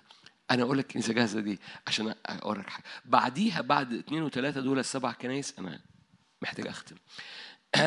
يأتي صح أربعة وصح خمسة. صح أربعة وصح خمسة ده حوالين العرش. فالكنيسة أول ما استقبلت أنا بمشي بسرعة وهرجع ما تقلقش. هرجع مش النهاردة. الكنيسة استقبلت رسائلها. من له أذنان للسمع فليسمع ما يقول الروح. للكنيسة. حلو قوي. إذا الإعلان هو القصة هو اللي بيخلي الكنيسة تغلب. من يغلب أعطيه. الغلبة مربوطة بالإعلان. إعلان يسوع المسيح بتاع سفر الرؤيا. لما بيملى الكنيسة الكنيسة بتغلب. عشان كده العلية مش فكرة لذيذة. لأن العلية هو مكان الإعلان اللي فيه يسوع يقوم ناقل سيفه الحدين وناقل عينيه. النارية وناقل إنه إنه داس الموت نقله للكنيسة فالكنيسة بتسمع ما يقوله الروح في العلية فتتنقل لهذا المشهد وتبقى جاهزة بعد ما الكنايس استقبلت الرسائل في صح اتنين وتلاتة صح أربعة تواجدت قدام العرش عشان كده مش عايز أخش في الحتة دي بس في ناس تقول الكنيسة كده خلاص لا ما خلصتش ولا حاجة. فالكنيسة تواجدت قدام العرش في ساعه أربعة وساعة خمسة وقعدت تعبد وهنخش على محور العبادة في أربعة وخمسة. خلي بالك فالكنيسة نضجت استعدت اتملت بإعلان يسوع اتملت بالمجد بقت موجودة قدام العرش. إصحاح ستة نظرت لما فتح الخروم خروف واحدا من الختوم السبعة سمعت واحدا من الأربع كائنات قائلا كصوت رعد هلم وأنظر. أوكي. عشان الوقت أنا هختم بدي. إمتى الأختام اتفتحت؟ بعد ما الكنيسة انتصرت. بعض التفاسير يقول لك كده يعني الأختام بتتفتح بعد ما الكنيسة تختطف ده مش مش مش واضح في الكتاب. ماشي؟ مش بلغيه بس مش واضح. في مدارس أخرى محترمة تقول غير كده. هاخد المعنى الروحي. أول ما الكنيسة بتتملي بتبقى جاهزة إن يحصل اللي يحصل. الكنيسة مليانة بيسوع بتاع سفر الرؤيا. هقلب الجمله يسوع عمره ما بيفتح الختوم والكنيسة مش مليانة بإعلان يسوع اللي مليان مجد. كل ما بتتملي بإعلان يسوع المليان مجد أنت تقلب الدنيا تعدل أنت جاهز فالكنيسة مش بتعدي في الأزمنة دي وخايفة هنعمل إيه الوحش أبو سبع قرون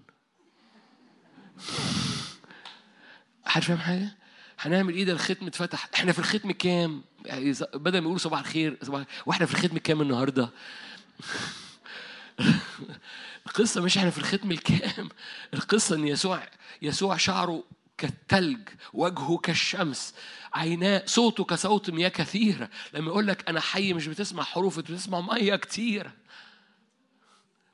فالقصة أخبار يسوع إيه في العلية؟ مش أخبار الوحش إيه النهاردة؟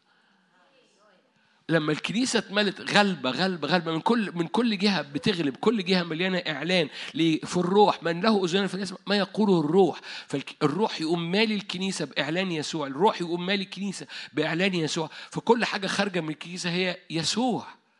لأن روح النبوة سفر النبوة هو شهادة يسوع. فالكنيسة مليانة بشهادة يسوع. يطلع الوحش أبو تنانين. صباح الخير. في حاجة مختلفة الكنيسة بقت جاهزة ليه؟ لأن بيداس عليها من هنا تقول يسوع، يداس عليها من هنا تقول يسوع، يداس عليها من هنا يسوع ليه؟ هي في العلية مدركة الميت بيقوم في العلية. الدعوة بتقوم في العلية، الخوف بيخرج من العلية، دخل يسوع في العلية قال السلام، فرح التلاميذ ازرقوا الرب، ليه؟ في العلية يسوع ممجد. في العلية يسوع القائم بيخش والأبواب مقفولة. في في العلية يسوع القائم وجهه بيلمع. أنتوا هنا؟ وبالتالي إدراك هذا يسوع الممجد يسوع سفر الأعمال يسوع الجالس عن يمين الآب يسوع الحي كان له مفاتيح الموت والهوية لما المليك له مفاتيح الموت والهوية أول ما الكنيسة اتنقلت ليه؟ لأن سمعت ما يقول روح للكنيسة وقفت قدام العرش وحكي معاك رؤية أربعة ورؤية خمسة. بالمناسبة الكنيسة موجودة في رؤية أربعة ورؤية خمسة. هنحكي عن رؤية أربعة ورؤية خمسة.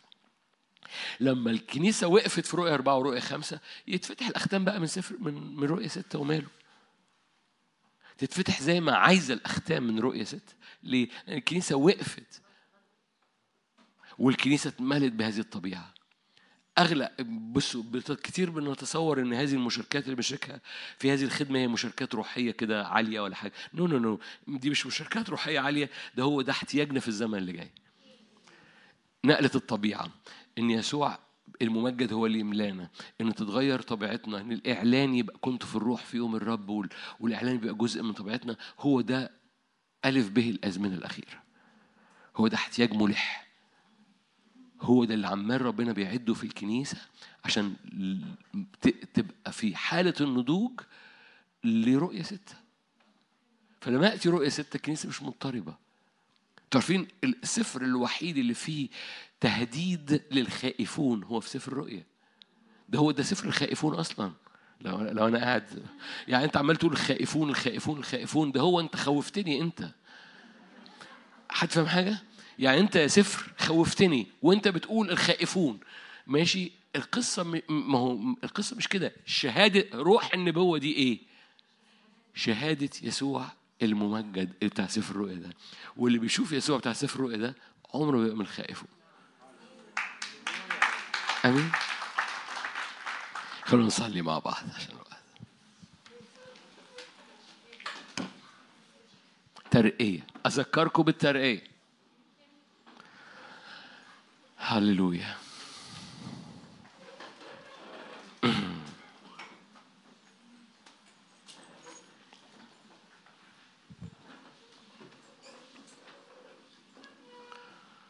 هللويا أؤمن أؤمن أؤمن أذكركم. أؤمن أؤمن أؤمن. في ترقية روحية. وإحنا بنعبد الآن. الترقية بتاعت يهوشع في ثياب جديدة في اقتراب جديد. سلطان جديد إبراء جديد اختبار جماعي في اسم يسوع. في اسم يسوع. اختبار جماعي. هللويا. أبويا السماوي بنحبك. أبويا السماوي بنحبك. كل عطية صالحة كل هبة تامة هي نازلة من فوق. من أبو الأنوار. ليس عنده تغيير ولا ظل دوران. أبويا السماوي بنوقف قلوبنا في المكان بتاع الترقية التي تريد أن تصنعها. يا رب بنقف معا زي ما يكون بقالنا فترة طويلة في نفس الثياب. أنت بتغير الثياب. انزعوا عنه الثياب القديمة. قذرة ولا مش قذرة؟ عليها طين ولا مش عليها طين بس بقالها سنين ملبوسة. اخلعوا عنه الثياب القديمة. البسوه ثياب جديدة. البسوه عمامة جديدة. قدس. وقفوا الدوشة لينتهرك الرب يا شيطان. هللويا. أعطيك مسالك بين الواقفين. قرب إلى هنا. تقدم تقدمي. تقدمي قدام من معه أمرك. تقدم قدام اللي بيسكب رداءه زي ما يكون كده افرد إيدك علشان يشيلوا العباية القديمة ويلبسوك العباية الجديدة. ما تبقاش واقف متخشب مش عارفين يخلعوا عنك الثياب القديمة. خليك سلس مع الملائكة اللي عايزة تخلع عنك رداء قديم. وخليك سلس مع الحضور الإلهي اللي عايز يلبسك ثياب جديدة.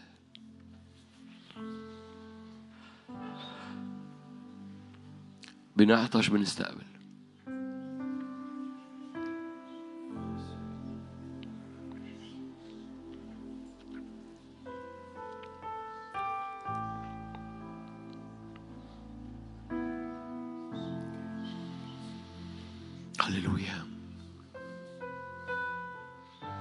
عطشك بيساعد.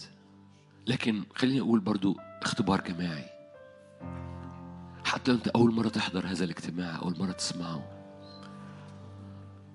الرب ينادي عليك قرب أنا عايز أغير ثيابك. بالنعمة بغير ثيابك. بالنعمة بسكت عدو الخير. لينتحرك الرب يا شيطان. بالنعمة بسكت المخاوف والصور اللي فيها كوارث بالنعمة بديك نوم هادي من كل انزعاجات وكوابيس بالليل. بالنعمة أنا سور نار حواليك.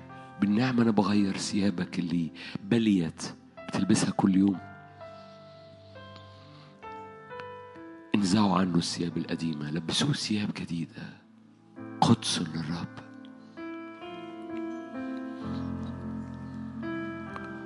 هللويا. بنقترب يا رب نقترب من أجل الترقية بنقترب من أجل النعمة بنقترب من أجل هللويا. مسالك بين الواقفين قدامك. ضع إيدك على قلوب هنا ضع إيدك على قلوب هنا. فالقلوب دي تقترب بسلاسة القلوب دي تتعود إنها تقترب بالنعمة. كل قلوب كانت بتتعثر في النص كانت بتتشتت في النص. كل قلوب كانت بتتعثر في النص أو بتتشتت في النص. يا رب ادي ادي لهذه القلوب سلاسة في الدخول. أي قلوب كانت بت- بتصارع في خلوتها ادي هذه القلوب سلاسة في في الحركة وراك سلاسة جديدة.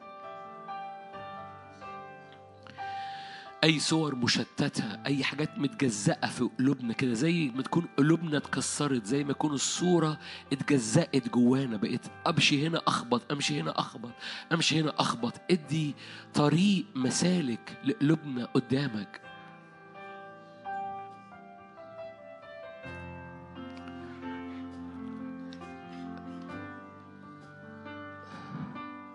أي ذكريات كانت بتوقف صلوات في البيت؟ أي ذكريات كانت بت... بتخليك تنحصر في طرق جانبية وتقعد سرحان في اللي ما حصلش؟ ادي قلوبنا مسالك ادي ترقية في الروح. صلي معايا واعطش معايا. مرة تاني أي قلوب اتجزأت أي أي حتت اتكسرت جوانا فتخش يمين تجد حاجة مكسورة تخش شمال تجد حاجة مكسورة. ادي وقفتنا قدامك مسالك بين الواقفين أمامك. ثياب جديدة قدس للرب ومسالك للعبور مسالك للاقتراب للنور لوجهك للمعان اسمك للمعان سلطانك.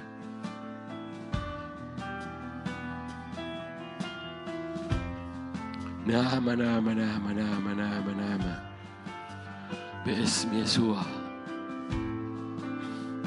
هللويا هللويا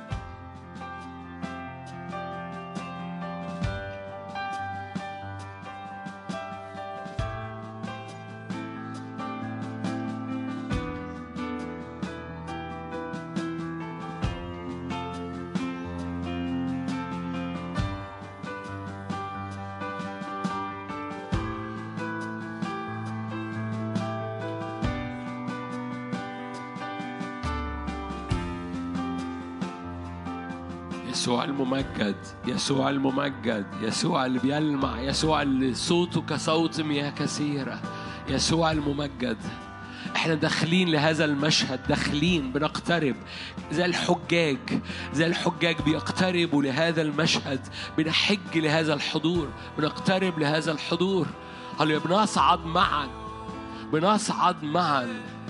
اختبار جماعي لحجاج صاعدين جبل الرب. هلما نصعد إلى جبل الرب.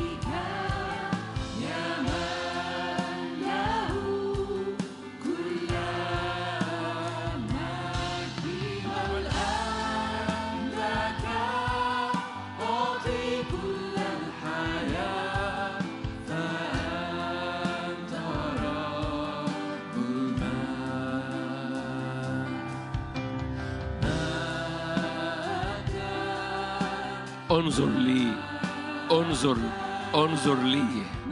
تتبع الحمل. الحمل القائم. تتبع الحمل.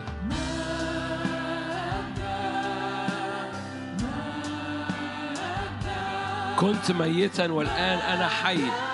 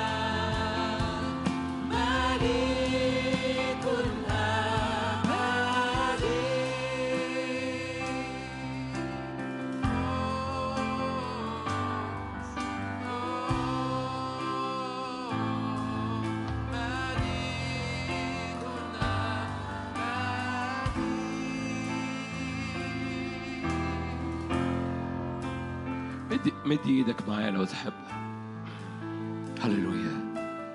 اكشف عن عينينا يا رب فنرى يسوع الممجد اللي بيعلن كده أنا هو الأول والآخر.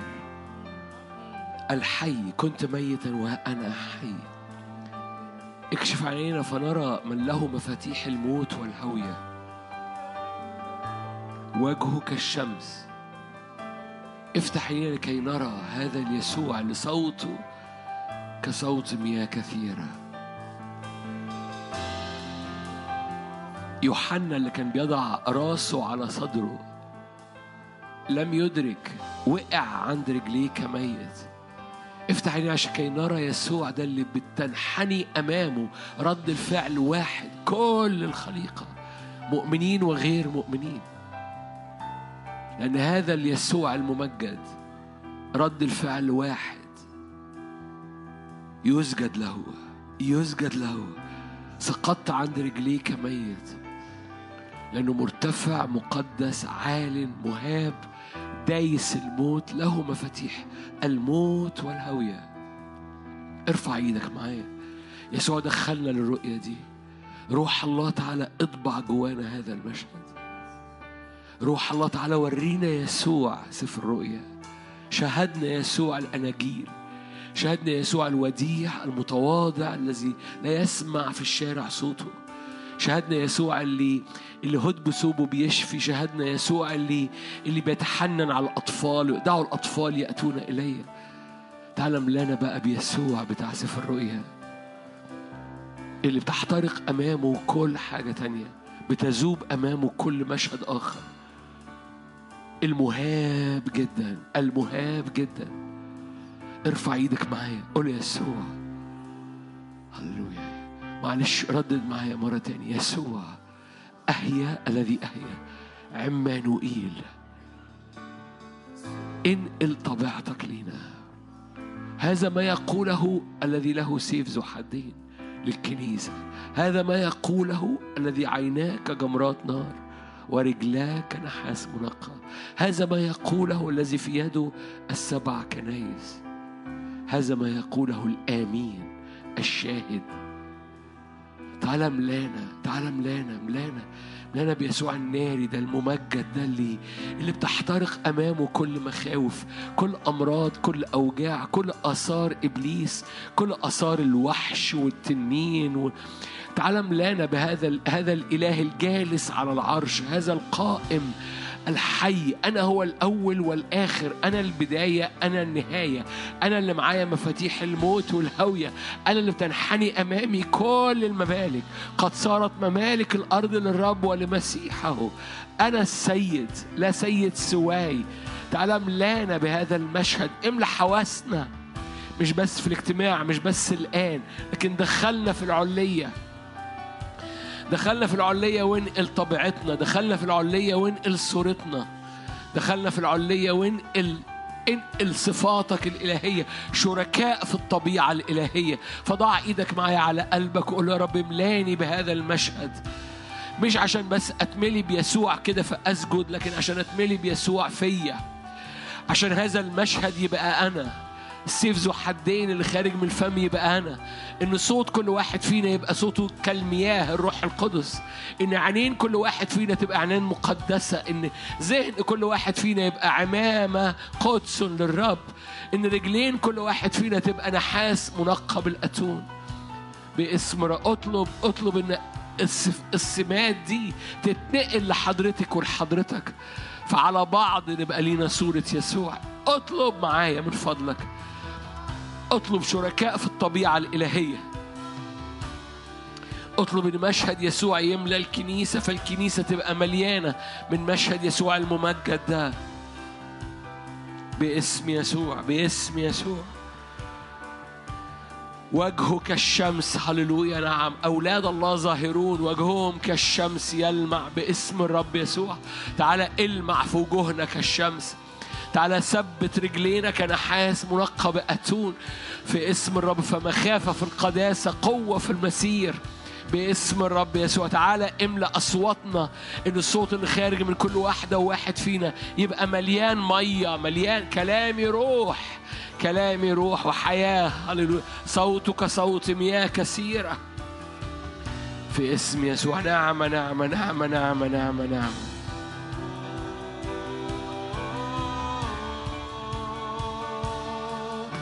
كنت ميتا والآن أنت حي. أسد غالب. أسد غالب. أسد ظافر. كنت ميتا والآن أنت حي. مفيش وقت نضيعه مفيش وقت نضيعه. أسد غالب. أسد ظافر.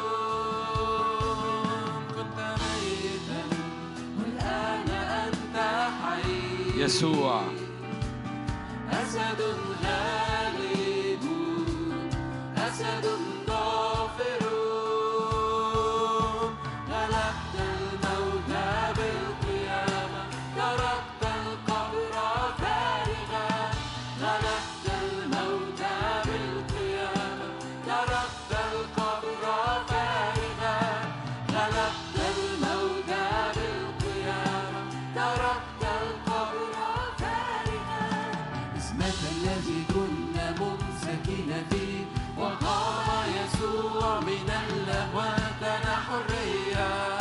حرية. لنا حياة لنا غلبة الغالبون.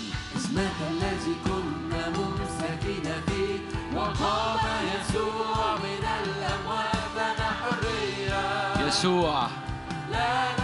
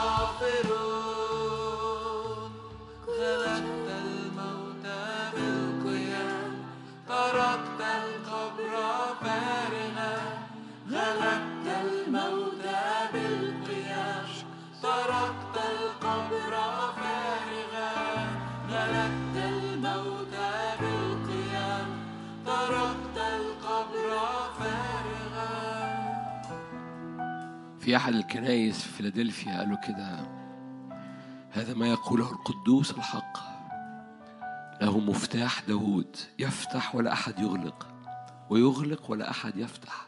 تقول لي إيه من الصفات بتاعت يسوع؟ أقول لك آه ده اللي معاه مفاتيح الموت والهوية.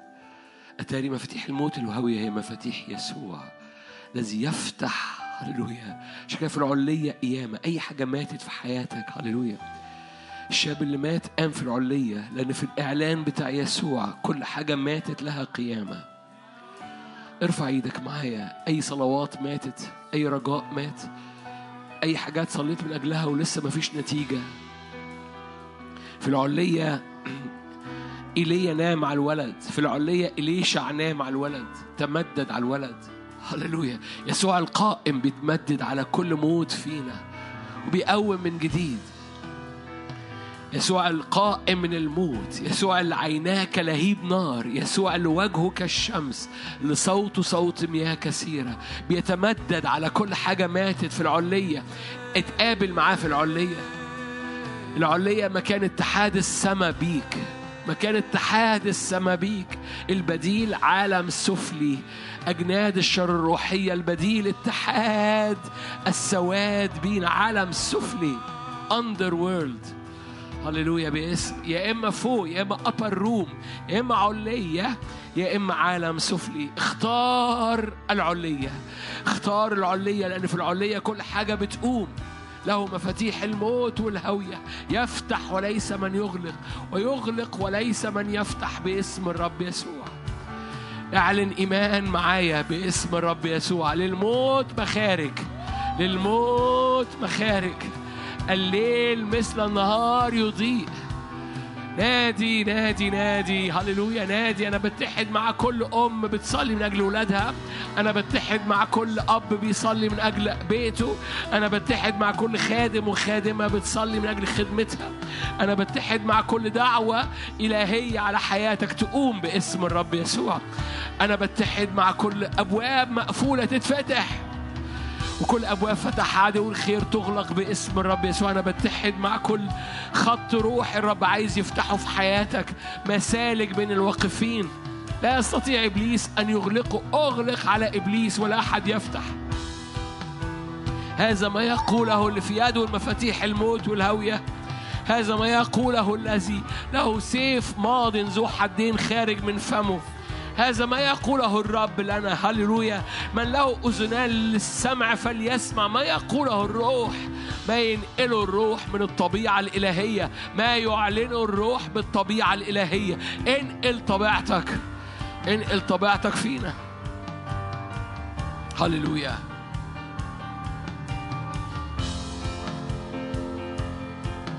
قد قلبك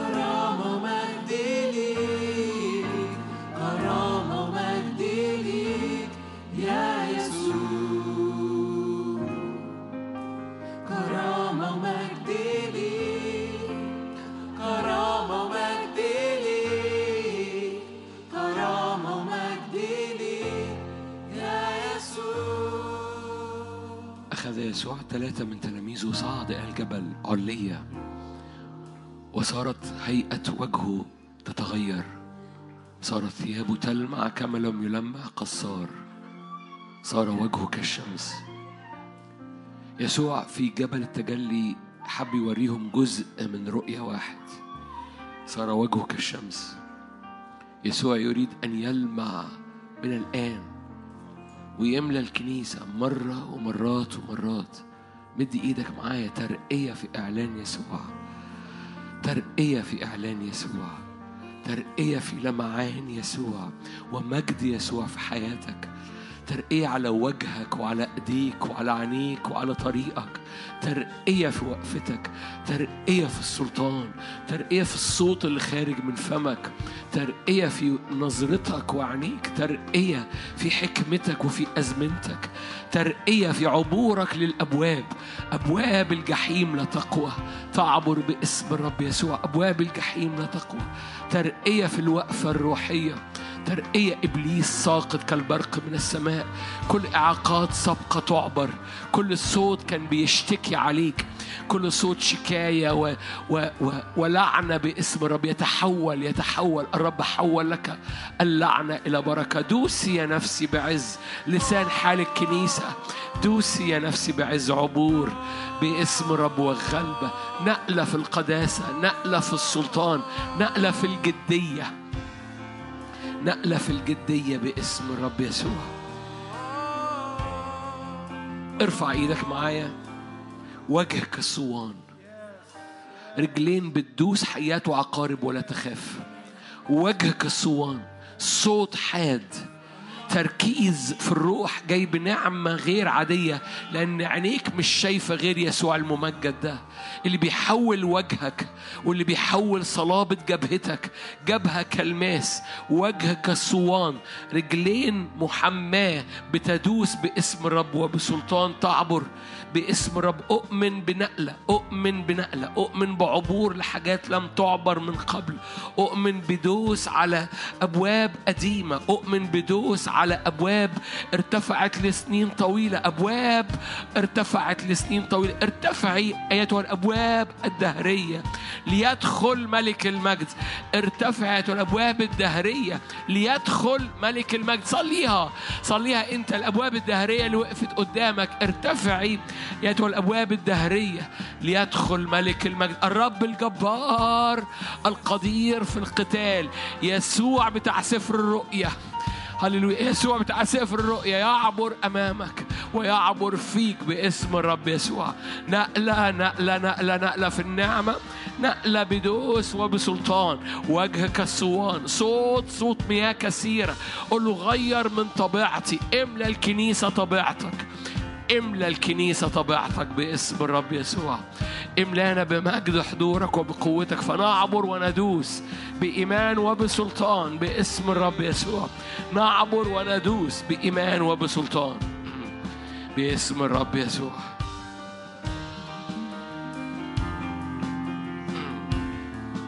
هللويا.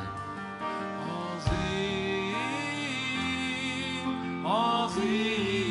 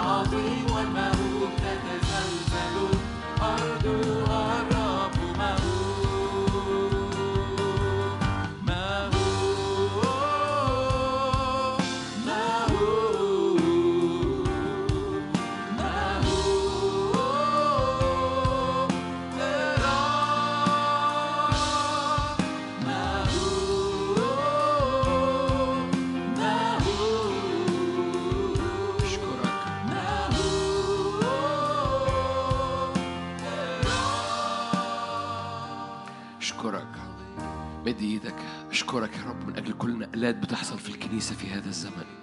أؤمن باختبار جماعي أؤمن بنقلة جماعية أؤمن وإحنا بنختم بترنيمة أخيرة أؤمن بموجة من عرش النعمة تملانا وتفيض على كل الكنيسة. الشاعر والمش المؤمن وال- واللي مش مصدق للآخر. أؤمن أؤمن أؤمن بترقية فيها بترتفع ظلال قديمة بترتفع صور سودة قديمة بترتفع حق قديم. النقاب المغطى به الأمم يفنى النقاب في الجبل يفنى النقاب في الجبل. باسم الرب. في العلية يفنى النقاب. أؤمن بكل صور سوداء. ظلال حزن ظلال خوف ظلال سحر تتحرق الآن باسم الرب يسوع. أؤمن لا يبقى ظلف يفنى النقاب في وجه هذا الجبل باسم الرب. أؤمن بصوت الرب اللي بمياه كثيرة تملأ أراضينا. صوت مياه كثيرة صوت مياه كثيرة صوته كصوت مياه كثيرة كصوت مركبات كصوت جيش. صوت الرب يعبر في هذا في هذه الأزمنة في الكنيسة باسم فيطرد من امامه كل صوت آخر صوته كصوت جيش. كصوت مركبات في اسم الرب يسوع. يغير شكل الأرض يغير طبيعة أرضك. يسكت فم إبليس.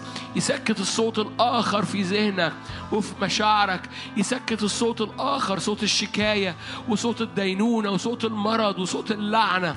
يسكت كل صوت آخر لأن صوته صوت مياه كثيرة كصوت جيش كصوت مركبات في اسم الرب يسوع. احسم احسم احسم الآن. بحضورك وبنيرانك. كل أمور في حياة شعبك باسم الرب يسوع. وإحنا بنرنم الترنيمة الأخيرة. أؤمن باختبار جماعي. ترقية جماعية. نهر نار خارج من قدام العرش. يعبر في قلوبنا يعبر في بيوتنا يعبر في أرواحنا. ينقلنا نقلات سلطان نقلات نعمة نقلات إلى صورة يسوع الممجد. أولاد الله ظاهرون. أولاد الله ظهرون حينما أظهر يسوع نصير مثله. إن أظهر نصير مثله. في اسم الرب يسوع. أؤمن أؤمن أؤمن نصير مثله. في اسم الرب يسوع.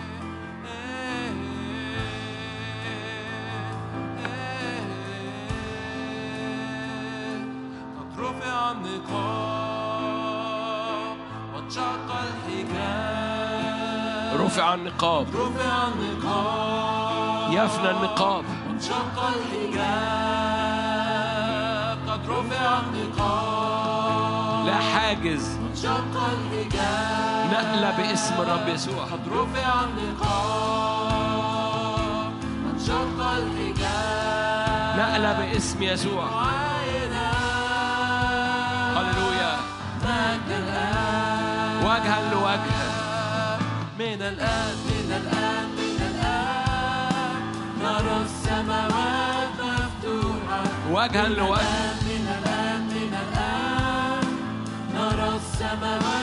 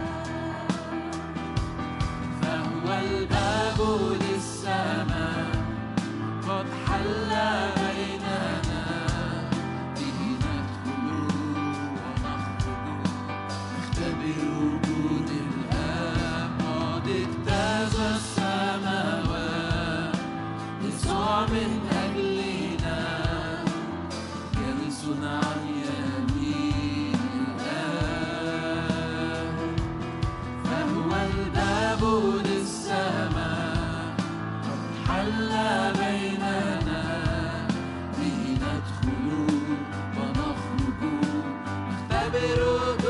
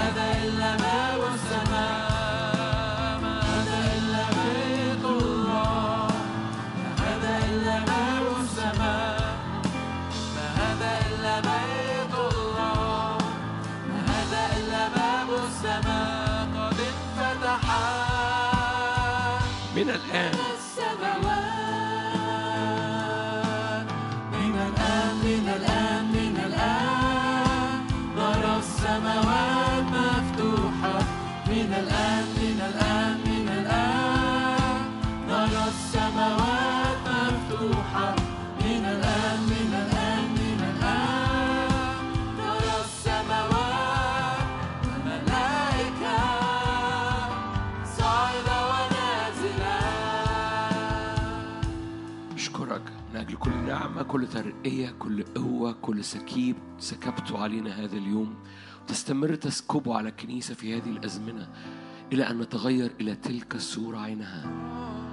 صورة يسوع سفر الرؤيا يسوع الممجد. بتنقلنا إلى تلك الصورة عينها من مجد إلى مجد. أشكرك من أجل الزيت النازل والترقية والقوة. أشكرك من أجل النعمة النازلة والمسحة. أشكرك من أجل العينين اللي بتبصر والأذان اللي بتسمع والقلوب اللي بتتنقل. أشكرك من أجل الترقية التي لا رجوع فيها لأنك تفتح تفتح تفتح. ارفع إيدك معايا.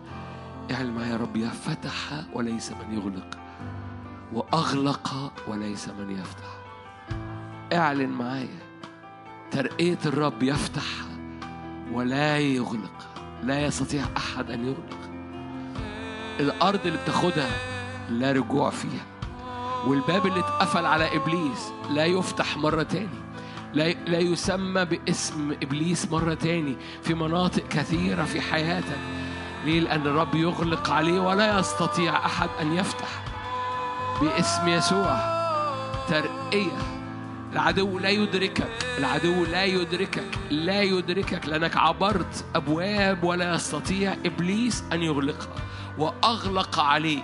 ولا يستطيع إبليس أن يفتحها باسم الرب يسوع. أمور بتحسم خط بيترسم خط بيترسم أمور بتحسم خط بيترسم لا عودة. لا نظر للوراء. لا نظر للوراء. لا عودة. باسم الرب يسوع. لا يعود يسمى بهذا الاسم في أرضك. أي اسم بعل أي اسم بعل أي اسم تعب أي اسم مرض أي اسم سحر أي اسم رجوع للوراء. لا يعود يسمى بهذا الاسم. لا يسمى باسم البعل فيما بعد في أرضك. لا يبقى اسم سواه في أرضك وفي حياتك باسم الرب. دوسي يا نفسي بعز. لا خوف لا خوف لا خوف. نعم ردد هذا الاسم يسوع. يسوع.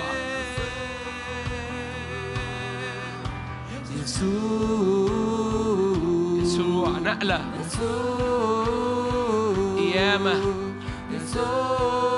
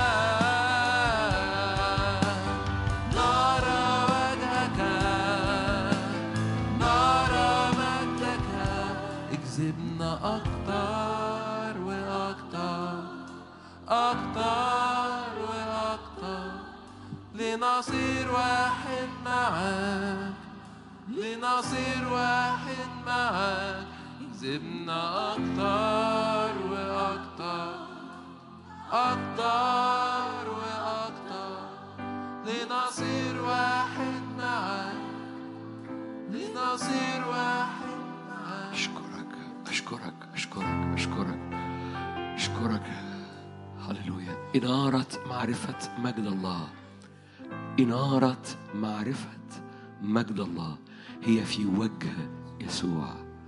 لأن روح النبوة هو شهادة يسوع. إنارة معرفة مجد الله تغطي وجه الأرض كما تغطي مياه البحر. أشكرك. غطينا بمجدك. غطينا. غطي بيوتنا. غطي أسبوعنا صلي من أجل أسبوعك صلي من أجل بيتك صلي من أجل غطاء غطاء إنارة معرفة مجد الله بشهادة يسوع بلمعان يسوع في كل مقابلة في كل شغل في كل انترفيو في كل قعدة في كل تحدي في كل صعوبة. شهادة يسوع أهي الذي أهيا في اسم الرب يسوع. أشكرك مجدك ملء كل الأرض. مجدك ملء كل الأرض. محبة الله الآب نعمة ربنا يسوع المسيح شركة وعطية الروح القدس. خليني أصلي الصلوة الموجودة في يهوذا. شعرت بيها النهاردة إني أطلقها علينا.